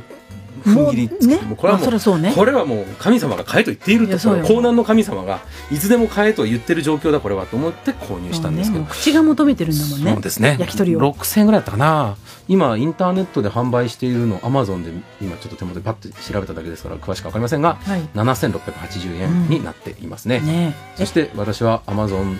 プライムに入っておりますから送料は無料ということになりますけれ ども、でももう買ってるから、はい、もういらないですけれどももうね、じゃあええ私頼む時お願いしようかなしなってないから買い ねなんでなんですかこれねあの私だけじゃなくてファンはあそうなの結構いるんだということに気がついどちらにてなんこでれユーチューバーの人たちで、はあこの岩谷の炉端焼き器炙り屋これ使ってみたっていう動画いっぱい上がってるんですよ。そうなのでそれを私ずっとまあみ見て、まあチェックして半年間、うん買おうっていうふうに考えたんだけど最終的にはそうそうそうでいろいろ調べていくと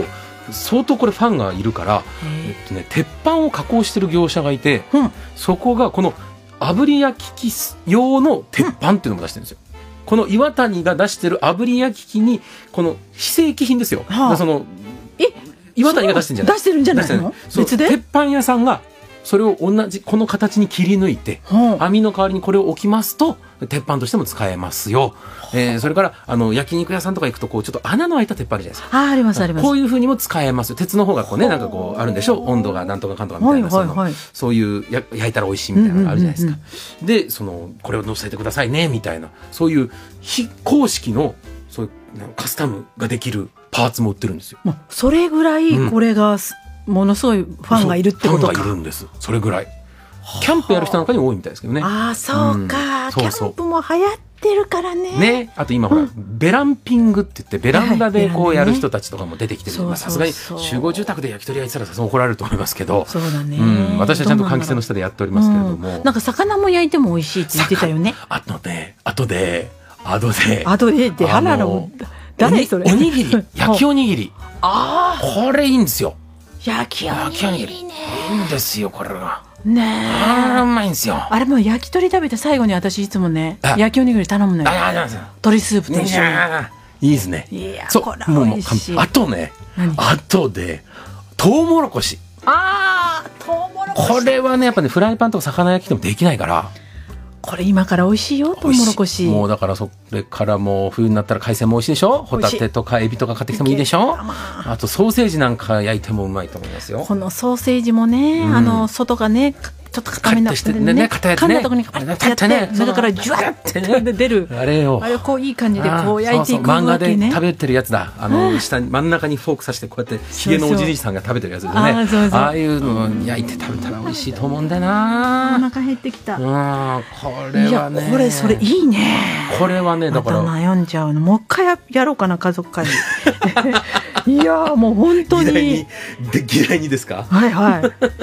い。関岡家の第二次補正予算ですそうそう購入してくださいよこなんれとかね、ぜひねこれは。そうよ。いやこれはでもね私本当に買ってよかったあとねコロナで買ったものでいうとね自転車なんですよ自転車も買ったの自転車こうもう自転車もねずっとねあのどっから拾ってきたんだみたいなボロボロのやつもう1 5 6年乗ってたやつがあったんですけど大学生の時から乗ってたやつがあって、そんなにそうそう、私ね結構ねその辺の物持ちいいんですよすごいあのね。偉いね。冷蔵庫炊飯器、うん掃除機全部大学生の時からずっと買ってないですからね偉いね。昭和の人だね。えー昭和の人なんですねやっぱり放ね送紙畳んで取ってありますからねあそうえーカンカンが異常にクローゼットに入ってますからねええー、マジおばあちゃんの家みたいですえ、よもしかして本当に紐とかも紐とかも結んでちゃんともう全部結んで取っちゃうんですよああいうのねまあ処最分しなきゃいけないけ近どようやく捨てるようになりましたあ、けど本当よかったで。自転車購入したらこれがまたね、うんやっぱいい自転車はいい自転車ってことでもないんですけど1万円ちょっとぐらいかな、まああ自そう転車でしたけれどともいうことは、電動ではなくて。ではなくて普通にあノーマルなあのノーマルのあーただねうちの近所にねなんかすごく偏屈な自転車屋さんがありましてね、うんすごくこう思い入れが強い人がやってるんですよほうだから完全オリジナルの自転車なんですそのおじさんが一生懸命作った自転車なんですちょっと待って、えそこで作ってるのそこの人が作った一から一か、まあ、どういうふうにしたのか知りませんよオリジナルそのさすがに鉱山に行って鉄を掘るとかからやってないと思いますけれども糸化して鉄パイプを作るとかはやってないと思うけど多分まあなんかそういうパーツをいっぱい組み合わせては市販のものとはまた違うベストなものを自分なりにここうカスタムしてねだからちょっと座席あのなんていうんですか、えっと、椅子サドルがパサドちょっと幅広だったり、おおこう荷物を乗せる荷台もなんかちょっと昔のお豆腐屋さんみたいなね、うこうんちょっと大きい荷台だったりとか、こうスタンドもなんか割と重厚感のあるガシャンみたいなで6段の変速ギア付きみたいな6段もなんかねこうものすごいこだわっどこ走るんだたこだわりにこだわったやつをね購入しましてえ、ねふちゃん、え、その人のそのオリジナルのやつをね買っ買ったの買ったんですそよれ何台かあるのその人のオリジナル多は。分何台か出してるんだと思うんですけど、それはものすごい言われたわけですが、これがいいぞとか。いやというわけではなく、なんとなく置いてあるんですよもちろん普通のね自さりげなく転車メーカーのものもたくさん売ってるんだけど、なんか安いけどえらい高機能だなっていうやつがあっへてーこれなんだって聞いたらオリジナルだって言ってあそうなんですか、まあ、プライベートブランドじゃないですけども多分その人の多分自転車熱が形成されたものだと思うんですけどねね。これも良かったで、実際乗ってみてどうこれがですねもうね久しぶりにずっともうボロボロだったから乗ってなかったんですけど、久しぶりに自転車乗っ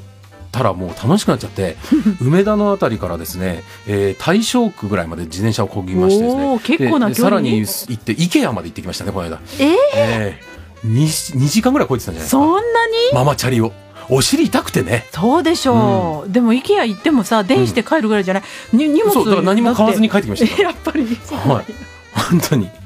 びっくりしました自分でも、へーでも楽しくなっちゃってはもうなんかあの太もものいかに自分が普段あ。うんそういうものを使ってないかっていうところが、もう次の日、はしんどかった。もうなんかもうぼーっとしちゃってそこからはしいしばらやくでも福ちゃん次の日に出たんだったらまだ若いわあそうですか大体3日とかね1週間ぐらいになってくるわけよこれが